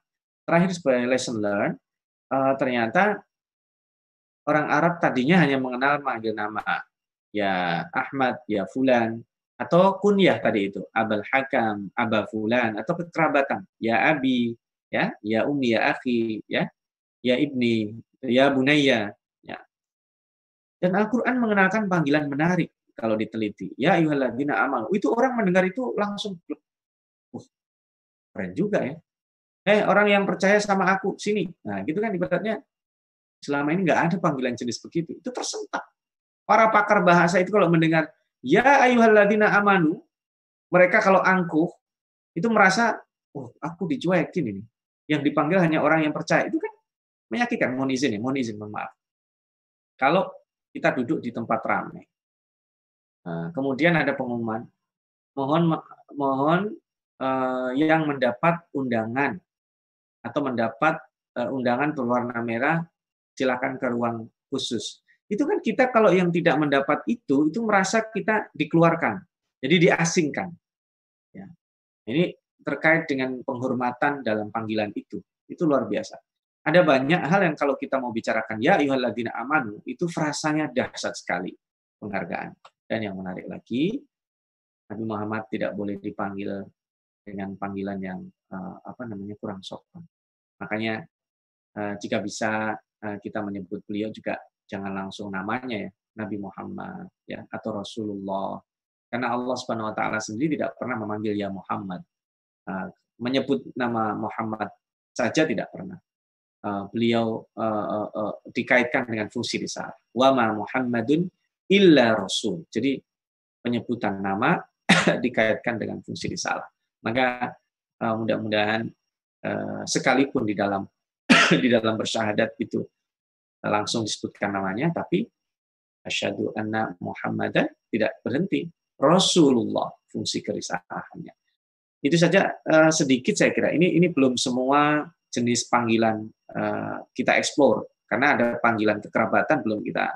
Kenapa ada ya bunayya? Kenapa ada ya, ya abadi? Ya, ada panggilan kekerabatan yang disebut di dalam Al-Qur'an itu ya bunayya untuk anak dari ayah kepada anak dan itu panggilan sayang eh, dan juga ada ya abati dari ayah eh dari anak ke ayah. Kenapa kok bukan ya abi? Nah itu Al Fakir belum sempat mengeksplorasi tetapi nanti jika diperlukan untuk menjelaskan secara singkat insya Allah saya jelaskan. Uh, secara umum uh, itu yang bisa Al Fakir sampaikan. Mohon maaf bila ada keterbatasan nanti bisa kita lanjutkan dalam sesi dialog Jazakumullah khairan. Saya kembalikan kepada Mas Adi. Wassalamualaikum warahmatullahi wabarakatuh. Waalaikumsalam warahmatullahi wabarakatuh. Jazakumullah khair. Ustaz Saiful Bahri atas penjelasannya bagaimana panggilan-panggilan atau nida yang ada di dalam Al-Quran. Memang cukup menarik dan tentunya tadi sudah sedikit dan sekilas disampaikan mengapa Allah eh, memberikan eh, panggilan-panggilan tersebut ya tentunya ada hikmah dan lainnya dan ada makna uh, di balik itu tadi disampaikan kalau misalnya yang dapat undangan warna merah silakan masuk yang undangan biru nggak ada uh, diem aja nah ini sudah uh, kalau di Amerika sudah berlaku untuk uh, naik pesawat Ustaz jadi ada grup satu, grup dua, grup tiga gitu. Jadi grup satu dulu, wah kita grup grup empat lama nih antrinya gitu. Jadi udah dipanggil seperti itu. Artinya ada apa namanya pengelompokan pengelompokan ya eh, terlepas untuk apa tujuannya tapi dengan panggilan itu eh, menjadikan kita uh, memposisikan diri kita ada di mana ini gitu ternyata gitu ya. Baik alhamdulillah sudah banyak uh, partisipan yang sudah ingin uh, yang telah mengajukan pertanyaan baik yang tertulis maupun yang akan bicara langsung dengan Ustadz uh, yang pertama adalah eh, ini dari Bapak Duta Mardin di Florida. Ini terkait dengan eh, hadis ya atau mungkin pra, pra hadis yang eh, Abu Hurairah itu Bapak kucing. Bagaimana dengan panggilan Bapak kucing, Ustadz? Ya, uh, ya sama seperti tadi itu adalah uh, julukan ya. Kunyah itu julukan. Bapak kucing kan karena beliau ke mana-mana suka membawa kucing, akan disebut dengan Abu Hurairah. Ya nanti ada juga, uh, oh, maaf ya, ada orang disebut Abul Futun, uh, bapaknya perut, ya karena bukan berarti uh, perutnya gede, bukan. Nah, dia suka makan, jadi ke mana-mana mikirin perut. Nah itu juga sering disebut Abul Futun. Nanti ada, uh, ya kadang guyonan juga sih. Uh, kalau kita ke negeri Arab kadang apa itu panggilannya? Nanti kita tanya teman kita, oh maksudnya begitu. Nah, jadi itu kunyah atau julukan. Nah, julukan-julukan itu eh, kalau laki-laki, ya sebenarnya untuk laki-laki karena perempuan itu eh, apa namanya jarang di di dikecenginya di publik itu itu aib ya. Maka yang keluar itu selalu abu, abu bulan, abu bulan, abu bulan gitu. Itu karena sama seperti tadi, Abul Hakam. Abul Hakam itu karena beliau punya hikmah. Kata-katanya didengar.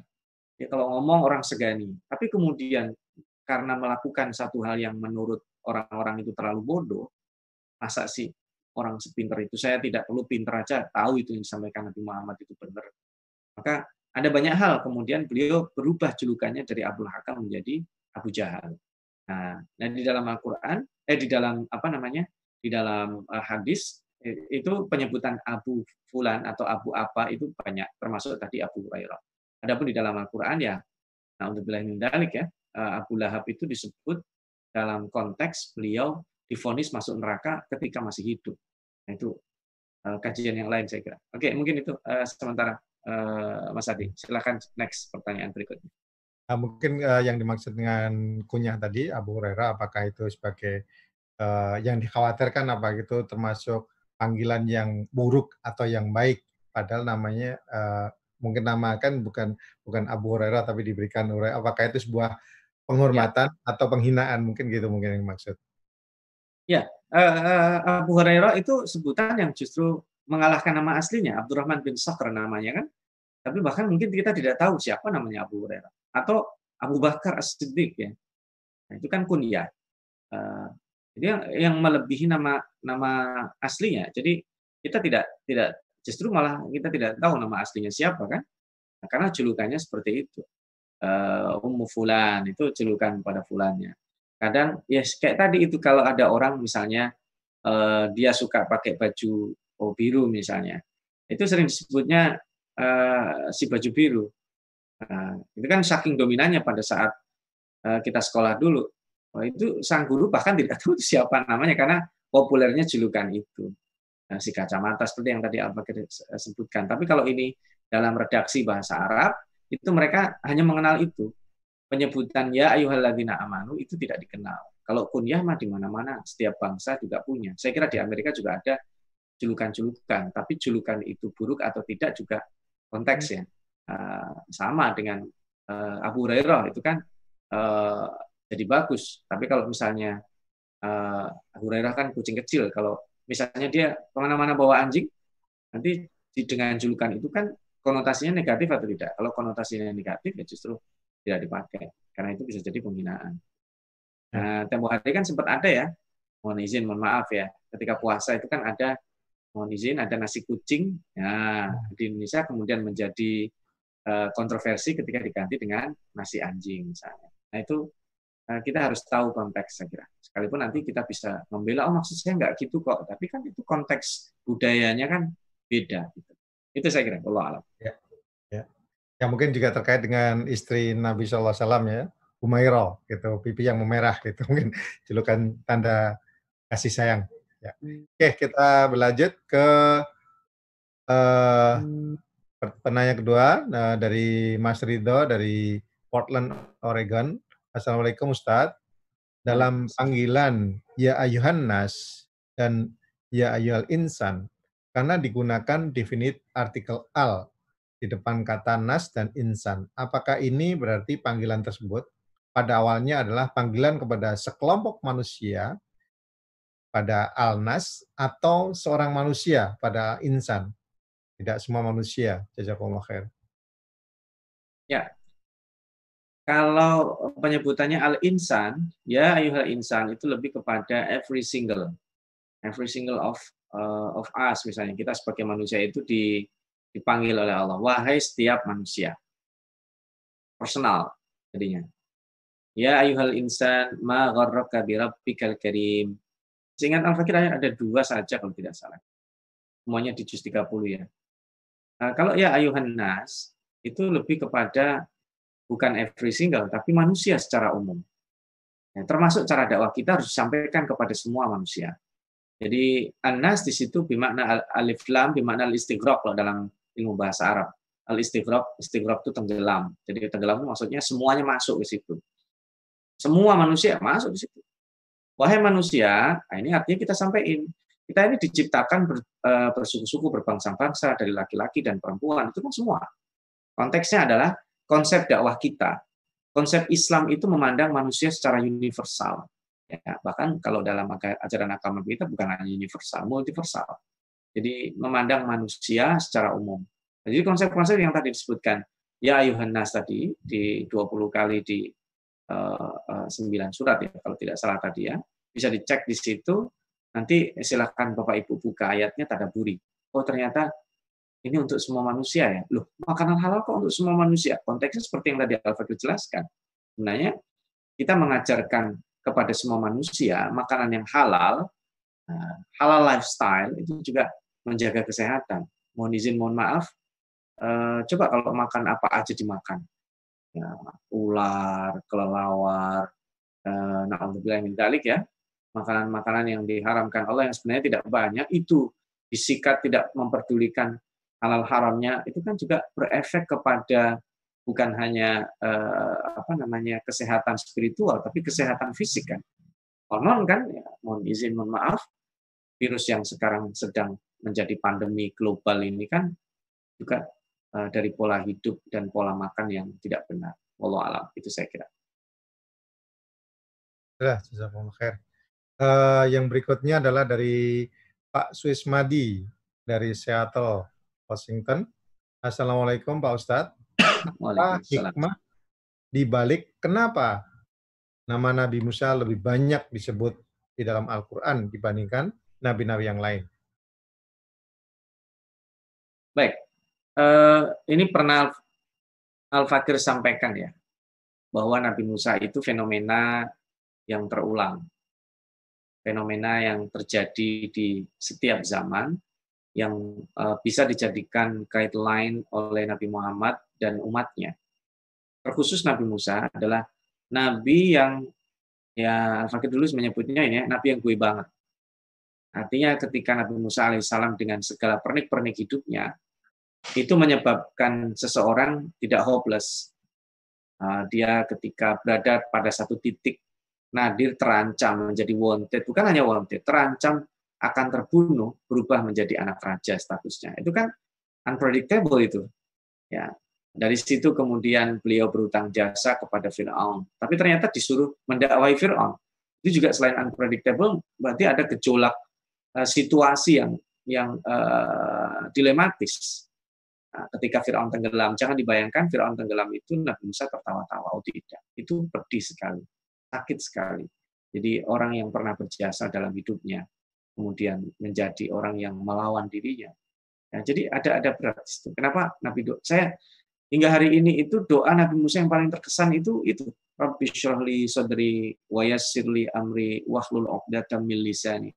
Karena banyak kadang kita terjebak oleh uh, hutang-hutang jasa. Sehingga dengan hutang jasa itu kita menjadi tidak kritis pada orang yang kita berutang jasa kepadanya. Ada segan, tidak enak ngomongnya. Dan itu terjadi. Jadi bukan hanya sekedar tentang kedaliman dan keadilan, tapi juga ada tentang siapa hero, siapa eh, siapa yang diselamatkan. Tapi itu yang dialami oleh kebanyakan manusia hari ini. Ya, hari ini, hari kita ada ini, kisah tentang kezaliman dan ketidakadilan kan selalu ada. Kisah hero itu tidak digambarkan saya kira seperti film Hollywood ya, superhero yang uh, yang uh, tidak tidak tersentuh atau punya kekuatan super, bukan. Dia manusia biasa. Dia bahkan punya Nabi Musa alaihissalam sering disebut temperamental ketika dia marah bahkan dia kalau Allah dia dia melempar uh, Torah itu ketika marah dia uh, apa namanya dia ambil itu uh, jenggot uh, saudaranya Nabi Harun. Jadi apakah Nabi Musa pemarah? Temperamental ya, pemarah itu tidak. Tapi dan reaksi-reaksi itu yang kemudian uh, kita kita pelajari oh ternyata Nabi Musa seorang manusia, bisa sedih, bisa marah, eh, bisa tidak enak, dilematis dan seterusnya. Ketika diungkit-ungkit jasanya ya eh, oleh oleh Fir'aun ya kan eh, di dalam surat Asy-Syu'ara kalau tidak salah. Ya, Asy-Syu'ara di ayat 12 atau 13 ya. Di awal ayat, di ayat di lembar yang pertama itu ketika minta berdakwah dia diungkit-ungkit apa namanya uh, engkau ada di sisi kami itu uh, bertahun-tahun kami pungut engkau sebagai anak kami asuh engkau. Itu kan dek kalau kita sebagai orang yang mendakwahkan sesuatu kepada orang yang berjasa uh, kepada kita kemudian menegur uh, kesalahannya kemudian kita diungkit ini nggak usah macam-macam lah. Kan aku yang mungut. Kayak keluargaku kan yang mengasuh kamu. Itu kan itu langsung kayak kerupuk dimasukin sop panas itu langsung sus gitu. Nah, itu kita belajar dari fenomena itu. Dan itu hikmahnya Nabi Musa itu disebutnya lebih dari 100 kali. Dan dipanggil di sini juga paling banyak oleh Allah 24 kali. Itu saya kira, Mas Adi. Oke, saya khair. Iya, um, berikutnya adalah dari Bapak Diki Sanusi, juga dari Seattle, Washington. Assalamualaikum warahmatullahi wabarakatuh, Pak Ustadz. Waalaikumsalam. Apakah perbedaan ucapan Robil Firli dengan Allahumma khfirli.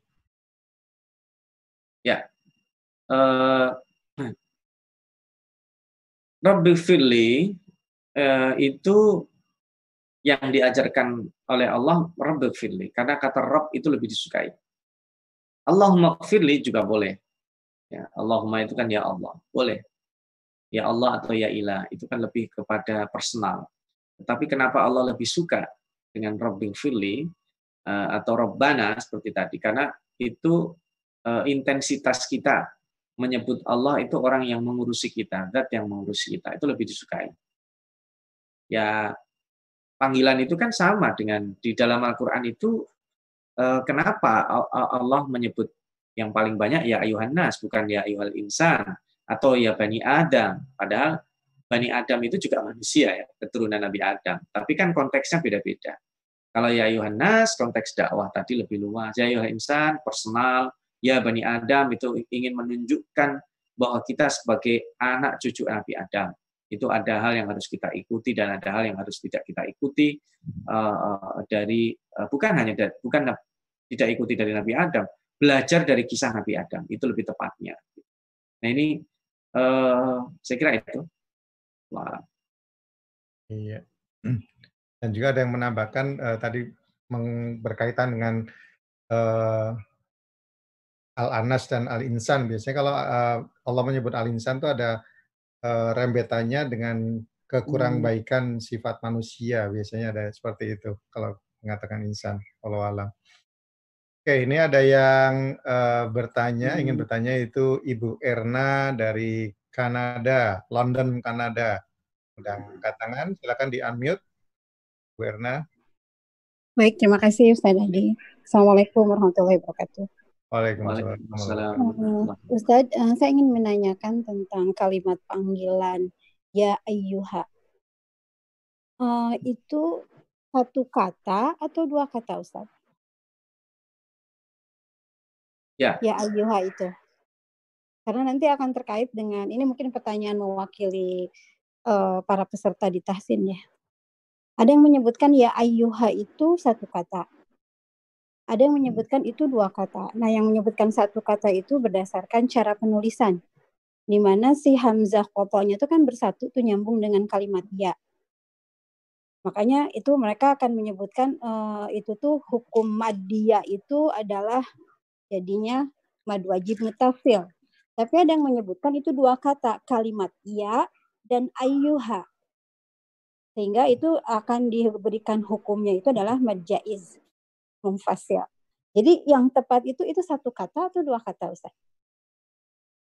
Ya.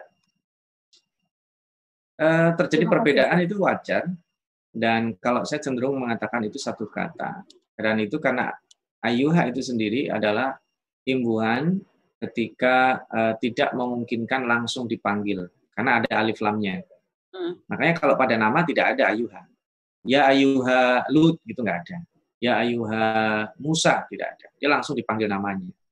Ya ayuha ada ayuhanya itu karena untuk menengahi sesuatu yang uh, tidak definitif. Yang definitif tidak dipanggil dengan ayuha. Ayuha itu yang tidak definitif. Ya ayyuhalladzina amanu enggak definitif. Ya ayuhan nas tidak definitif. Ya, ya loh itu ya bani Adam kok ya bukan ya ayuha bani Adam. Nah, itu itu ada konteks karena dia hurufnya tanpa alif lam. Ya. Kalau alif lam itu nggak bisa dipanggil yan nas, nggak bisa. Nanti uh, dalam kaidahnya akan sulit. Yal insan nggak bisa. Yal ladina amanu nggak bisa. Maka ya ayuha itu difungsikan untuk itu. Sama dengan ya abati. Harus aslinya itu kan tak itu pengganti ya mutakallim. Nah, itu, atau ya amati. Tapi dalam Al-Quran tidak ada ya amati, adanya ya abati. Atau umma. Nah, itu itu itu bentuk-bentuk panggilan yang yang uh, sifatnya irregular ya. Sama dengan ayuha ini kaidahnya adalah setelah alif lam.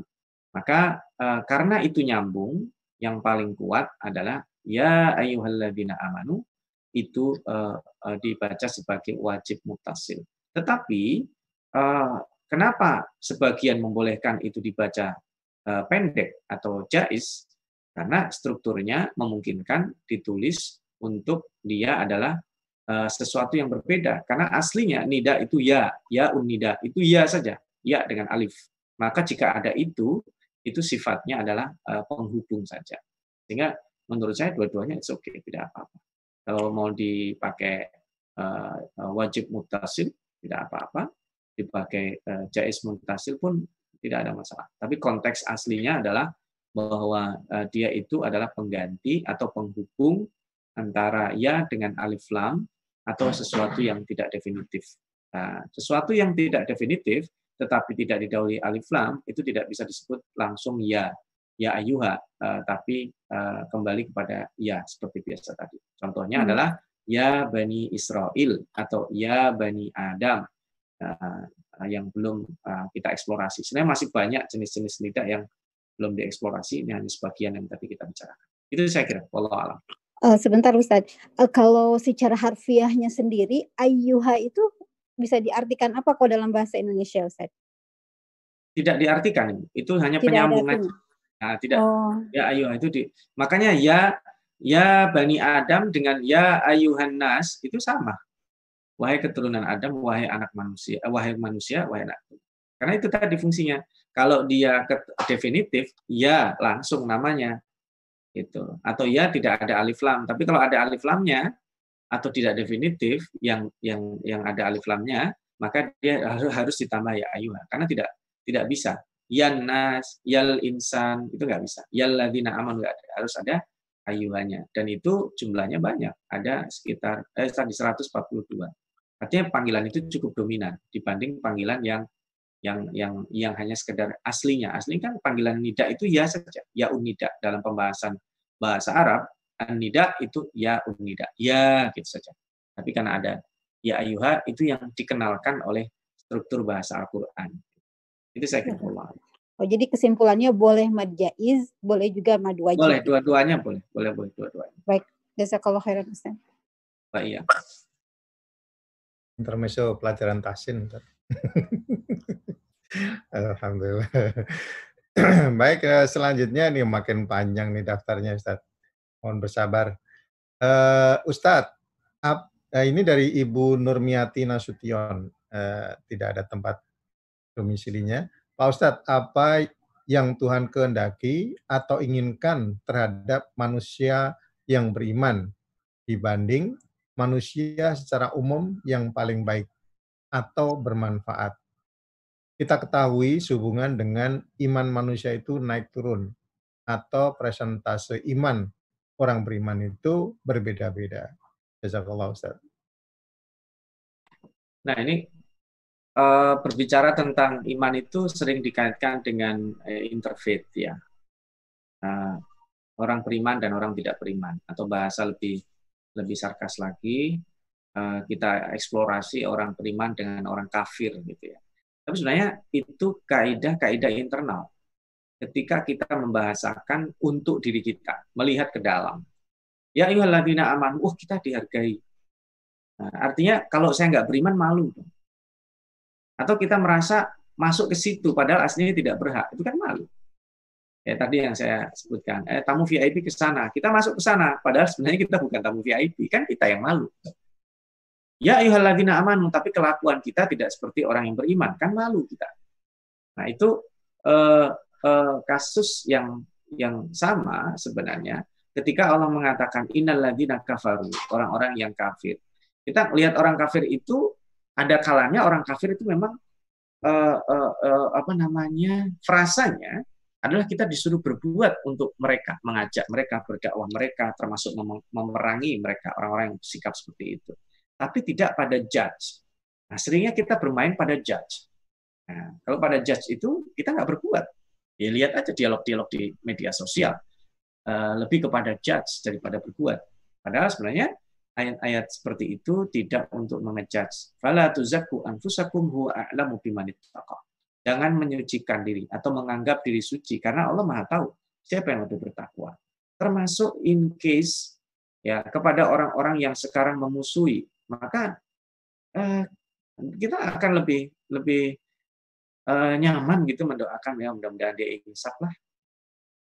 Sayang orang pinter kayak gitu kalau nggak insaf. Nah, lebih enak begitu doanya daripada mati nih, begini nih. Nah, itu kan kita lebih ah, memuaskan hawa nafsu kita mengumpat ya.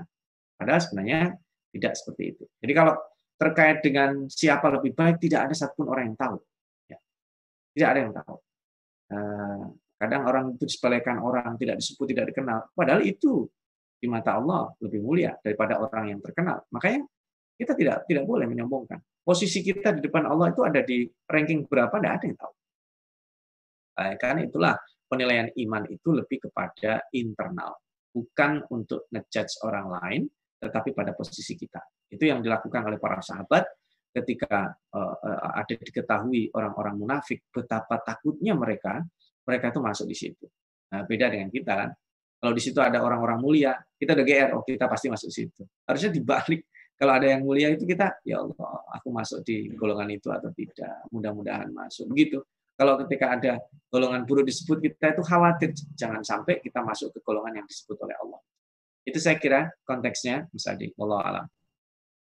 Alhamdulillah, khair. Pertanyaan berikutnya dari Ibu Rianila Ganza dari San Diego, California. Ustadz, bagaimana dengan orang tua atau mungkin jatuh ke bapak ya, yang dipanggil atas nama anaknya atau mungkin ibu seperti Ummu Jihad atau Abu Jihad. Apakah itu tradisi orang Arab atau prakteknya Nabi Muhammad SAW? Ya itu uh, tadi yang saya sampaikan. Orang Arab mengenal itu. Ya, ya Aba Abdullah berarti ini bapaknya Abdullah. Biasanya anak pertama atau anak laki-laki yang paling tua. Ya, biasanya jarang sebagai anak perempuan yang disebut. Itu kan terkait dengan budaya saja.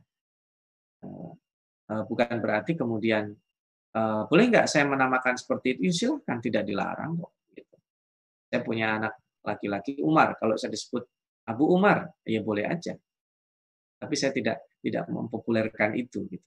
Saya ingin disebut dengan nama asli saya juga, ya tidak ada masalah. Nanti orang menjuluki siapa saya. Budaya-budaya itu, nidak tadi itu, atau penyebutan uh, julukan tadi itu, yang penting tidak ada tadi itu wala tanah bazu bil alqab. Jangan menghina dengan julukan itu. Sekalipun bisa jadi itu julukannya bagus. Contoh sederhana aja. Mohon maaf, ketika ada siswa yang sering terlambat sekolah, kemudian dia dijuluki orang yang tepat waktu. Kan julukannya bagus tuh. Tapi sebenarnya itu julukan menyindir untuk uh, itu disebut dengan humazah, lumazah. Nah, al-lamas dengan al-hams. Itu lain lagi. Jadi apa menyindir dengan mata, dengan bahasa tubuh tidak bahasa verbal berupa kata-kata, itu juga bisa jadi menghina orang. Ketika ada orang datang kita gitu. Mata kedipan mata begitu itu sudah dihitung oleh Allah menghina kalau memang kedipan mata kita itu bermaksud menghina. Atau kalau seandainya kita sedang uh, naik bis, ya, tahu di bis itu ada pencopet, kita berdua sama teman kita di sana. Ketika copet itu naik, kita, nah itu kan isyarat untuk hati-hati. Itu juga dapat pahala dari Allah. Mengingatkan orang, copetnya naik gitu. Nah, kalau tadi uh, mata kita begitu itu menghina, itu juga termasuk alhams dan alams itu. Wailul likulli humazatil. Itu uh, ada ada hal-hal yang Al-Quran itu luar biasa halus sekali. Karena kita memanggil orang itu juga hati-hati. Jangan manggil uh, orang lain dengan panggilan yang dia tidak suka. Jangan menjuluki dengan julukan yang tidak suka. Maka kadang kan suka begini, mohon maaf Bapak mau dipanggil apa ini? Panggil Mas, panggil Ustadz, atau panggil apa? Udah panggil saya nama aja. Apa itu? Saya panggil Mas Fulan ya, atau Pak Fulan ya. Nanti kalau dia berkenan, berarti kita pakai itu. Nah, kalau untuk penghargaan, ya saya kira kita tidak perlu berlebihan memanggil dia. Itu saya kira etika kita itu sudah diajarkan oleh Allah. Kapan kita panggil ini, kapan begini, kapan begini. Itu dari Allah membedakan nidak tadi itu. Itu saya kira Allah alam. Ya, jazakallah khair. Mungkin agak sedikit nyambung, Ustaz. Kenapa yang dipakai selalu anak laki-laki, bukan anak perempuan? Padahal ya itu, misalnya yang anak pertama itu perempuan, atau pakai itu nggak lazim atau memang ada sesuatu adat saja adat ya. itu adat saja di sana uh, patrilineal kan sini nggak ada masalah kalau mau dipakai yang perempuan juga nggak ada masalah tidak menyalahi aturan orang hmm. itu bukan aturan syariat kan itu hanya kebiasaan saja ya. Jazakallah. Ya ini dari Bapak Bambang Abi Sarif, uh, tidak menyebutkan di mananya, mungkin dari Indonesia, insya Allah. Assalamualaikum Ustadz. Waalaikumsalam. Menyambung masalah Yayul Insan dan Ayuan Nas, apa itu ada hubungannya dengan fakta bahwa ya ayuhal insan itu hanya di juz 30. Jadi hanya di Mekah. Jadi lingkupnya lebih sedikit. Nah, ini masalah makna uh, makan. ya, uh, terkait dengan ini ya panggilan ya. Coba saya uh, apa namanya? Kalau penyebutan al insan itu banyak, uh, tapi penyebutan dipanggil sebagai ya ayuhal insan itu memang sangat personally. Karena saya ada kajian lagi sebenarnya. Manusia itu disebutnya di dalam Al-Quran banyak. Ada al-insan, ada anas, ada al-bashar, ya. Nanti juga ada bani Adam. Itu itu masing-masing ada ada konteksnya. Kenapa kita juga tidak dipanggil ya ayuhal bashar gitu. Nah, itu juga ada konteksnya. Nah, kalau insan itu pembahasan kata-kata insan itu sangat personal. Nah, bisa jadi yang Bapak sampaikan itu menarik ya. Nah, coba nanti Al-Fakir akan lebih dalami lagi. Kenapa Al-Insan itu uh, lebih sedikit dipanggil dan itu pada ayat Makiyah saja. Sebenarnya Ayuhan Nas itu juga kebanyakan ayat Makiyah. Sekalipun ada ayat Madaniyah. Ya proporsional saya kira ayat Madaniyah ada, Makiyah ada. Nah, terima kasih nanti inspirasinya akan Al-Fakir lanjutkan dalam dialog. Dalam eh, kajian-kajian uh, yang Al-Fakir teliti lebih dahulu insya Allah. Ya, silakan. Alhamdulillah. Sahabat tim saya yang merahmati Allah, kita masih bersama Dr. Syaful Bahri dalam acara Ulumul Quran. Dan sekarang kita ada di sesi yang seri yang ke-11 dan kita tinggal satu seri lagi untuk season kali ini atau untuk semester ini. Insya Allah nanti akan ada break dan tentunya nanti akan ada quiz. Ini di apa bisa diikuti yang ada di dalam kelas ya karena kita sharingnya untuk lebih mudah kalau tidak terkumpul dalam kelas atau kita udah ada WhatsApp group agak sulit untuk menjangkau uh, Bapak Ibu sekalian. Jadi kalau ingin uh, masuk dan ikut kuis dan kemudian insya Allah nanti ada sertifikat, uh, silahkan register. Tadi udah disampaikan registernya sehingga bisa masuk ke dalam kelas. Dan kami juga menyapa yang baru saja masuk. Uh, kita masih berada di acara atau program Ulumul Quran bersama IMSA, Indonesian Muslim Society in Amerika. Baik Ustadz, untuk pertanyaan berikutnya dari Bapak Dadang. Ini dari Los Angeles. Pak Ustadz, apakah harus bersolawat ketika membaca Quran surat Muhammad ayat 2 ketika nama Rasul disebut? Ustadz. Ya. Ya, bersolawat kepada eh, Nabi Muhammad SAW adalah merupakan satu keutamaan ya dan ini ada eh, perbedaan pendapat ketika itu ada di dalam sholat. Misalnya eh, bukan hanya di nama-nama beliau disebut ya di surat Al Imran, kemudian surat Al Fatah, termasuk surat Muhammad. Apakah kita bersolawat? Jika di dalam hati mungkin, kalau di dalam mulut, apalagi seorang imam, tentu tidak dianjurkan. Kalau dia imam, kalau dia makmum, itu para ulama juga berbeda pendapat. Uh, kalau di dalam sholat, uh, sebaiknya uh, tidak perlu dilafazkan. Kalau di luar sholat, nah itu baru uh, silakan uh, dilafazkan. Kan itu hukumnya adalah anjuran. Uh, tidak wajib, tetapi ya sebagai etika kita, ketika nama beliau uh, disebut, ya kita bersolawat kepada. Uh, termasuk orang menyebut Nabi Muhammad Shallallahu Alaihi Wasallam orang menyebut begitu, kita juga menyebutnya sallallahu alaihi wasallam. Allahumma shalli wa sallim alaihi. Jadi itu bagian dari etika karena Allah memerintahkan uh, innallaha malaikatahu yusalluna 'alan nabi ya ayyuhalladzina amanu sallu alaihi wa sallimu taslima dalam surat Al-Ahzab itu ya. Artinya kalau itu di luar sholat uh, itu lebih lebih longgar. Kalau di dalam sholat apalagi imam itu lebih bagus uh, tidak dilafazkan. Kalau berselawat di dalam hati, uh, itu silahkan. Itu Allah alam. Ya, alhamdulillah. Allah khair. uh, kita ada sementara ada beberapa, paling tidak ada tiga lagi Ustadz. Yang Silakan. pertama ke oleh Bapak Duta Mardin Florida. Oh, yang menambahkan tadi Bapak Bambang dari uh, Vancouver, Kanada. Ya dia menambahkan. Alhamdulillah, jazakallah Pak Bambang. Uh, yang pertanyaan dari uh, Pak Duta adalah dengan turunnya surah Anisa yang membatasi istri empat orang, apakah langsung berlaku bagi Rasulullah SAW dan para sahabat? Itu pertanyaan. Ya, berlaku untuk selain Nabi ya. Kalau untuk Nabi tadi ada di surat Al-Ahzab yang saya sebutkan tadi itu ya ayuhan Nabi.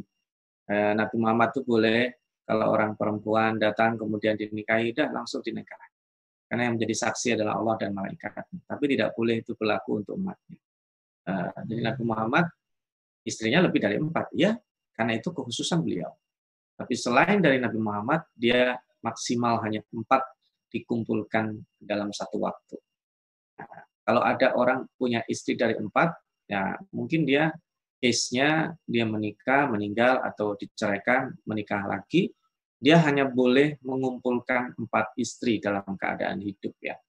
Semuanya dalam keadaan statusnya sebagai istri yang sah itu hanya empat saja. Di luar itu uh, haram hukumnya, tidak boleh. Maka para sahabat ketika ayat ini turun, dia punya istri lebih dari empat ya, eh, selain empat itu dia ceraikan, harus diceraikan, karena harus dibatasi. Nah, karena itu kemampuan maksimal seseorang berinteraksi dengan keluarganya. Kalau untuk Nabi Muhammad tentu karena diberikan kelebihan oleh Allah. Untuk umatnya hanya empat saja. Berbuat adil, eh, Allah sudah mengukur secara proporsional berbuat empat. Nah, lalu bagaimana kalau ada orang punya istri sepuluh, nikah, dicerai, tambah lagi, nikah supaya bisa tetap empat. Tentu itu tidak sesuai dengan uh, syariat. Apa maksudnya dia dia menikahi orang mencerai dan seperti itu? Ya, maka syariat tentang ini atau lebih sering dikenal dengan poligami, itu memang menarik untuk dibicarakan. Tetapi uh, orang membicarakan itu umumnya, mohon izin, bukan ngejudge, umumnya mempertanyakan itu. Ya, mempertanyakan terutama bagi ibu-ibu kok ada ya tidak adil begitu atau orang yang uh, uh, apa namanya merasa bahwa itu adalah ketidakadilan akan suka membahas itu atau sebaliknya bagi laki-laki yang memandang bahwa oh enggak dong ini ini uh, justru menarik itu. Padahal kalau bagi laki-laki sesungguhnya, ketika tidak dibatasi, maka laki-laki memperturutkan hawa nafsunya. Karena begini, mohon izin, mohon, mohon izin Bapak, sekali lagi Bapak-Bapak ya. Kenapa Allah Subhanahu wa taala berfirman, ya ayuhal uh, apa namanya? Zuyyina lin-nasi hubbus syahawati minan nisa. Uh, di situ hubbus syahawati minan nisa memang untuk dua, laki-laki terhadap perempuan dan perempuan terhadap perempuan itu perspektifnya berbeda. Seorang perempuan melihat dirinya, entah itu muda, entah itu tua, kalau keluar rumah atau ingin dia berjumpa dengan orang lain, pasti berdandan. Karena itu tabiatnya zina. Syahwatu minan nisa. Syahwatnya perempuan itu ya, mohon izin, ya dia mempercantik diri. Tidak bisa dilarang. Tidak usah, uh, uh, kalau laki-laki tidak. Ya faktanya aja, coba kalau ibu-ibu diajak suaminya pergi jam 7. Itu persiapannya jam 7 kurang 5 bisa enggak? Mungkin sulit itu. Kalau bapak-bapak mungkin jam 7 kurang 5 dia langsung cuci muka, berangkat, pergi jadi. Jadi kalau perempuan mungkin tidak. Itu. Kalau perspektif laki-laki beda. Laki-laki melihat perempuan, physically terutama, baik dia 27 usianya ataupun 72, sama.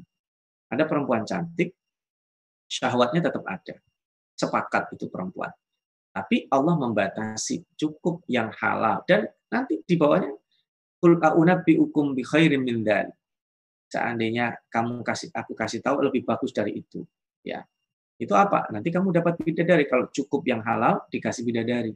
Dan nanti lebih lagi tingkatannya. Tapi ridho Allah itu lebih besar dari nikmat yang disebut bidadari tadi itu. Jadi ini bertingkat. Karena mohon izin mohon maaf ya, mohon izin mohon maaf. Laki-laki ya kalau mau jujur syahwat kepada perempuannya itu tidak mati. Udah nikah, belum nikah, sudah tua, masih muda, sama aja. Ketemu perempuan cantik ya tahu, oh itu perempuan cantik. Tapi ingat, wadul basor, ingat kamu punya yang halal. Tapi kan udah tua ya Allah. Ya syukuri aja, oh, kamu juga udah tua.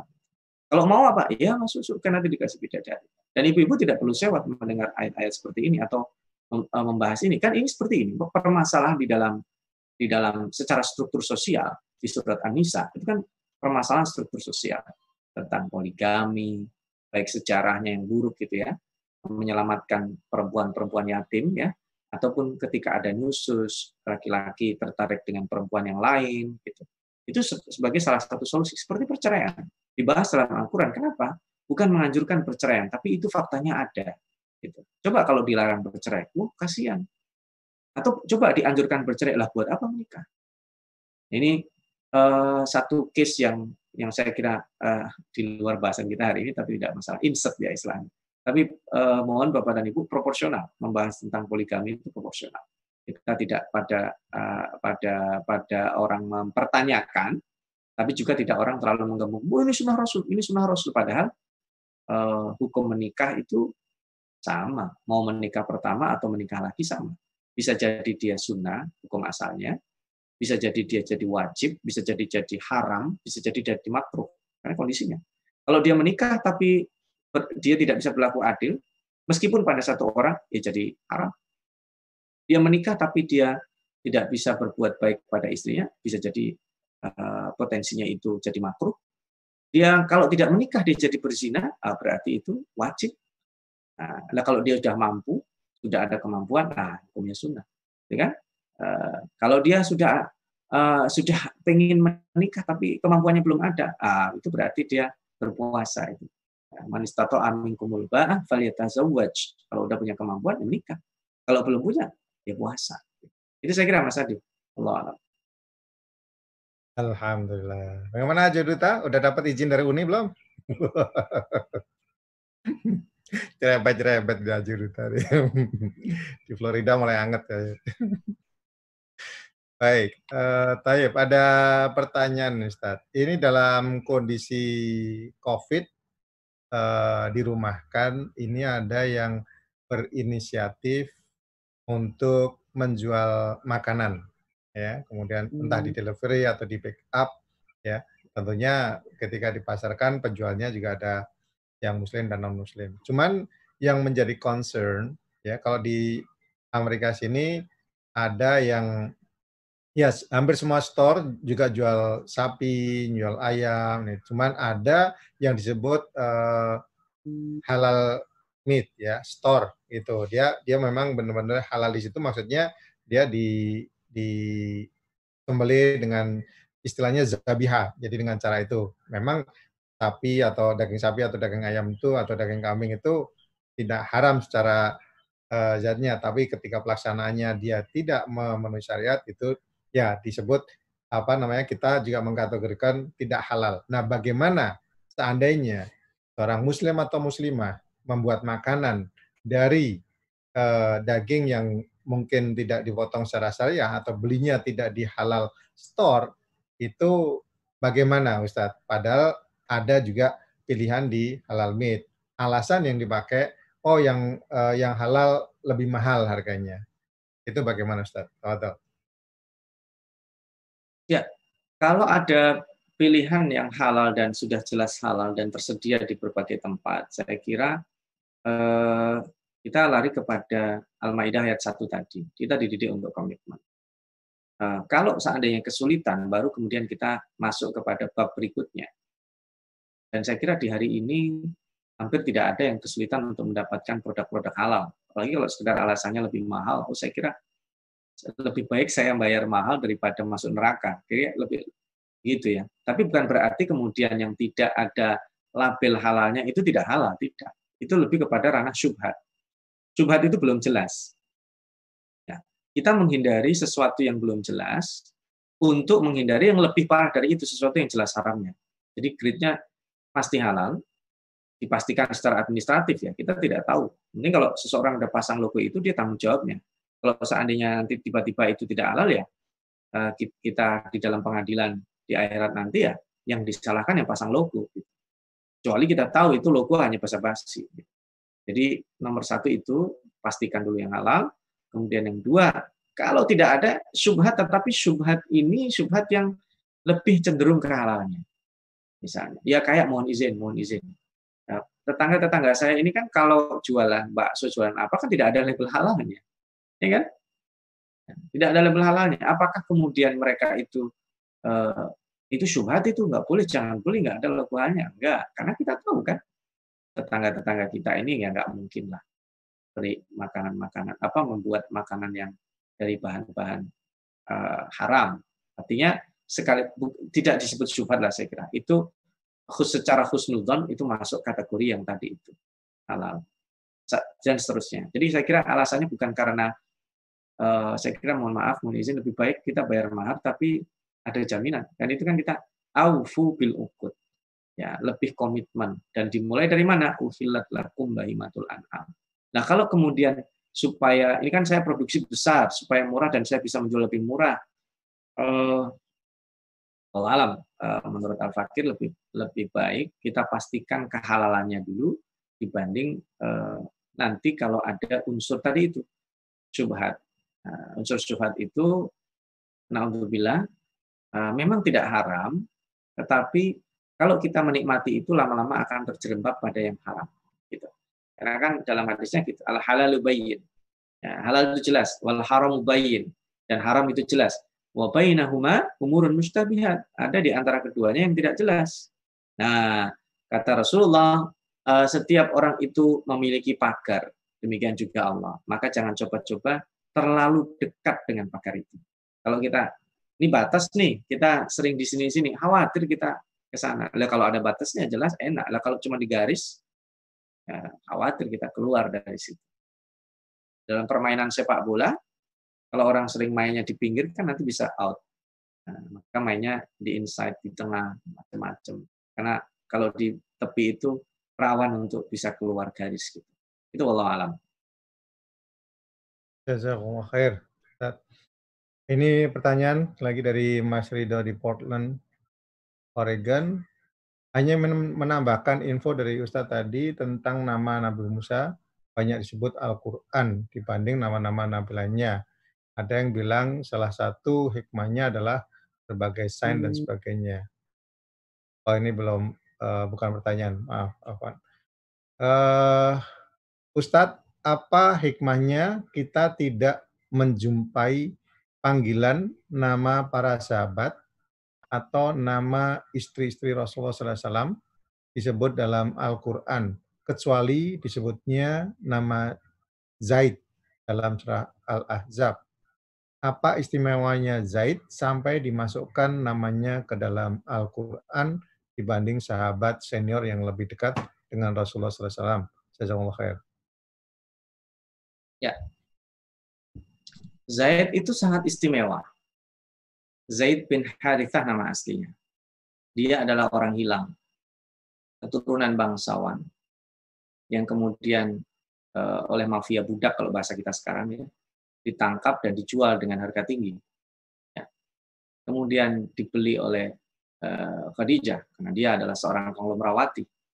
Lalu oleh Khadijah dihadiahkan kepada Nabi Muhammad dan diangkatlah dia sebagai anak angkat, putra angkat Rasul. Saking dicintainya sampai Zaid itu disebut Zaid bin Muhammad. Gitu ya kira-kira. Zaid putra Muhammad gitu. Dikenal gitu. Nah, saking dicintainya. Uh, bukan hanya sekedar itu, karena memang faktanya Nabi Muhammad SAW juga tidak memiliki anak laki-laki yang sampai besar.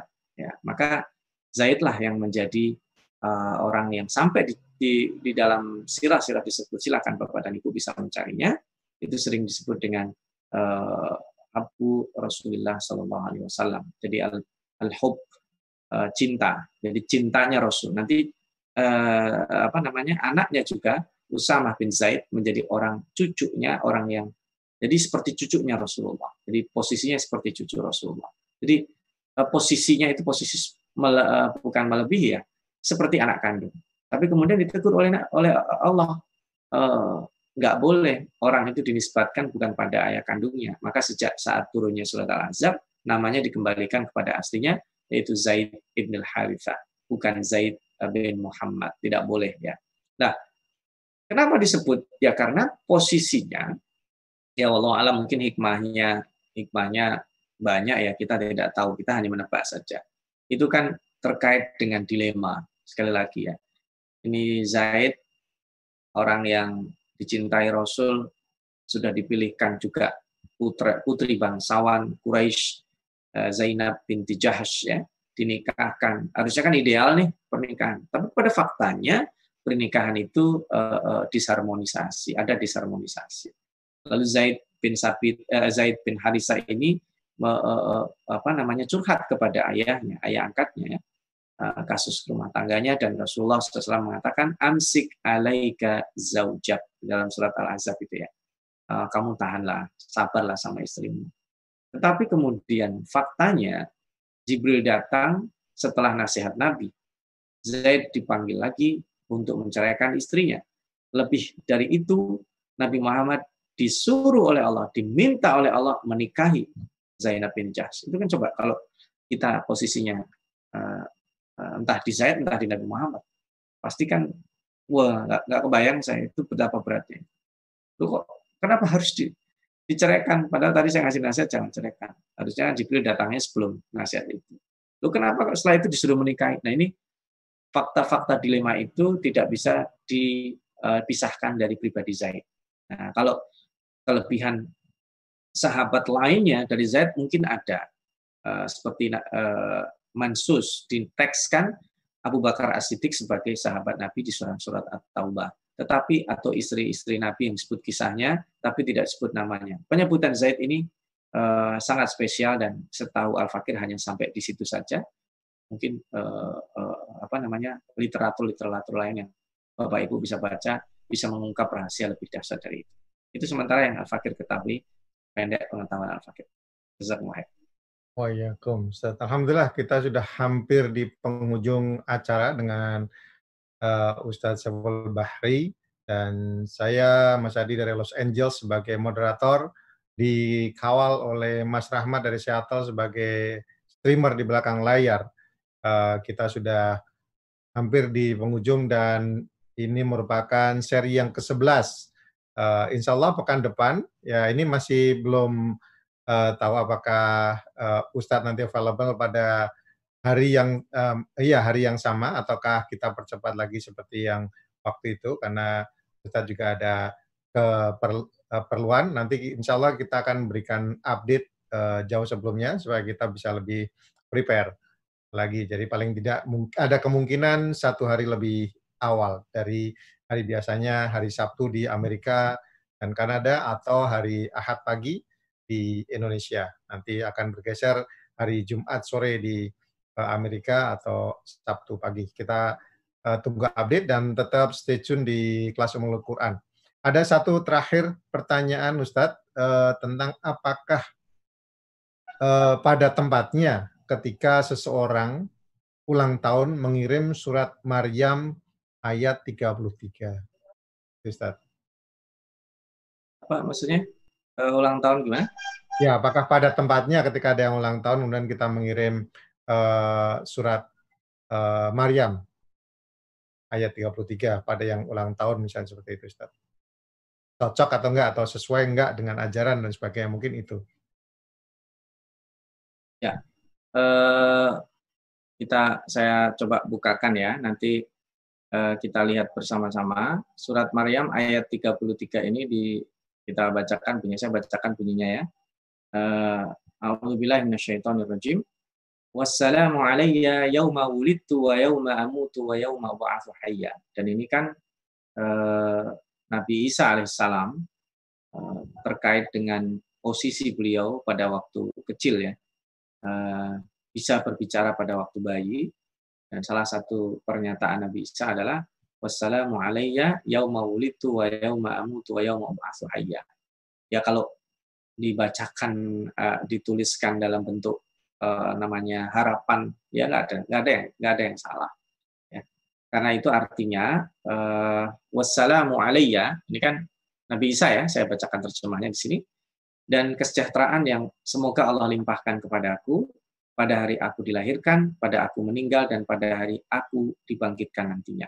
Jadi eh, Nabi Isa alaihissalam eh, memiliki satu keunikan karena beliau terlahir tanpa ayah, asli tanpa ayah, ya menjadi tanda-tanda kekuasaan Allah Subhanahu Wa Taala. Maka kalau mungkin quote seperti ini ingin disampaikan kepada uh, uh, apa namanya saudara kita yang sedang berulang tahun yang tidak ada yang salah. Cuman begini, kalau ayat Al-Qur'an itu dikhawatirkan misalnya ya. dalam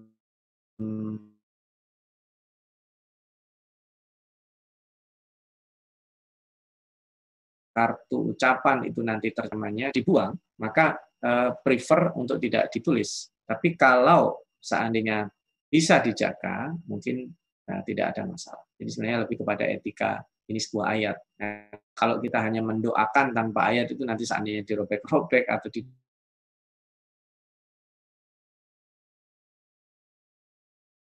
gue dimakan kan beda. Nah, saya lebih prefer gitu tidak Mas Allah alam. Alhamdulillah rabbil alamin. Jazakumullah khair. Ustaz atas semua uh, jawaban di pertanyaan. Alhamdulillah kita masih terburu untuk menjawab dan melayani semua uh, partisipan di kelas ini. Alhamdulillah ada sekitar 80 mendengar yang langsung dari Zoom, kemudian ada 20-an yang di YouTube dan juga Facebook. Alhamdulillah jumlah yang sangat luar biasa. Mudah-mudahan semua partisipan uh, mendapat ilmunya dan insya Allah Ustadz Syawul Bahri diberikan pahala yang berlipat ganda atas sharing ilmu yang uh, sangat luar biasa ini. Uh, sahabat Imsa mati Allah, kita sudah di penghujung. Tentunya kita ingin mendengarkan konklusi atau kesimpulan atau penekanan dalam uh, seri yang ke-11 ini tentang nida dalam Al-Quran dan juga tentunya nanti insya Allah akan ditutup dengan doa. Apa Ustaz? Baik, yang terakhir nanti tentang itu ya, sumpah ya, kosam ya, serial terakhir ya. Uh, nama kalau salah. Bentar. Ya. Uh, baik, nanti nanti akan diinfokan. Baik, Bapak Ibu, sahabat IMSA, kaum muslimin dan muslimat, hikmah dari pelajaran yang kita ambil hari ini adalah uh, tentang panggilan. Maka sebagaimana Allah ingin dipanggil Rabbana tadi, kita ajarkan anak-anak kita memanggil orang tua, memanggil kakaknya, menghormati gurunya. Ini adalah bagian penting juga, bagian dari adab kita, termasuk juga kepada Nabi Muhammad SAW tadi ya. Eh, pelajaran penting hari ini Eh, dalam panggilan itu juga ada uh, tersembunyi di belakangnya apa. Nabi Muhammad ketika dipanggil ya ayuhan Nabi ada fungsinya. Panggilan itu untuk apa? Ya ayuhan Rasul itu untuk apa? Baik itu saja saya kira mudah-mudahan uh, sedikit ini uh, bisa membawa manfaat. Kita berdoa kepada Allah mudah-mudahan uh, Allah Subhanahu wa taala menulis kita, keluarga kita sebagai ahlul Quran. Bismillahirrahmanirrahim. Alhamdulillahirabbil alamin. Allahumma ya Rabbana ij'alna wa dhurriyyatina min ahli al-Qur'an wahsyurna wa iyyahum fi zumrati ahli al-Qur'an. Allahumma sallimna min jami'i bala'i dunya wad din. Rabbana hab lana min azwajina wa dhurriyyatina qurrata a'yun waj'alna lil muttaqina imama. Ya Allah ya Tuhan kami, jadikan kami semua anak keturunan kami, keluarga kami, masyarakat kami sebagai orang-orang yang kau tulis sebagai ahlul Quran. Ya Allah ya Tuhan kami, jadikanlah kami orang-orang yang mudah sekali menadaburi Al-Quran, mempelajarinya, membacanya, dan mengamalkannya. Ya Allah, ya Tuhan kami, selamatkan kami dari cobaan, dari bala, baik yang nampak dan tidak nampak, terutama adalah cobaan dari agama kami. Berkahi rezeki kami, berkahi ilmu kami, berkahi amal kami, berkahi semua yang kau berikan kepada kami. Rabbana atina fid dunya hasanah, wa fil akhirati hasanah, wa qina adzabannar, walhamdulillah. Amin. Ya, betul. Uh, sumpah Allah dalam Al-Quran insya Allah yang, terakhir untuk seri yang ke-12. Ya. Uh, Alhamdulillah Rabbil Alamin, uh, sahabat Insa yang dirahmati Allah, uh, jazakumullah khair atas kehadirannya dan partisipasi aktifnya. Dan kami merasa bangga dan kami berterima kasih yang sebanyak-banyaknya atas kehadirannya dan juga uh, sharing ke siapa saja bisa lewat Facebook untuk uh, Ulumul Quran ini dan insya Allah kita akan bertemu untuk uh, session pertama ini yang 12 seri insya Allah terakhir adalah pekan depan. Jadi insya Allah stay tune di kelas Ulumul Quran atau di Facebook ya. Kita akan sampaikan dan di beberapa WhatsApp pengajian-pengajian ataupun WhatsApp komunitas. Insya Allah kita akan bertemu kembali pekan depan dengan topik sumpah Allah dalam Al-Quran. Jazakumullah khairan. Saya uh, Mas Adi dari Los Angeles dan Mas Rahmat dari Seattle juga mengucapkan jazakumullah khairan. Assalamualaikum warahmatullahi wabarakatuh. Waalaikumsalam warahmatullahi wabarakatuh.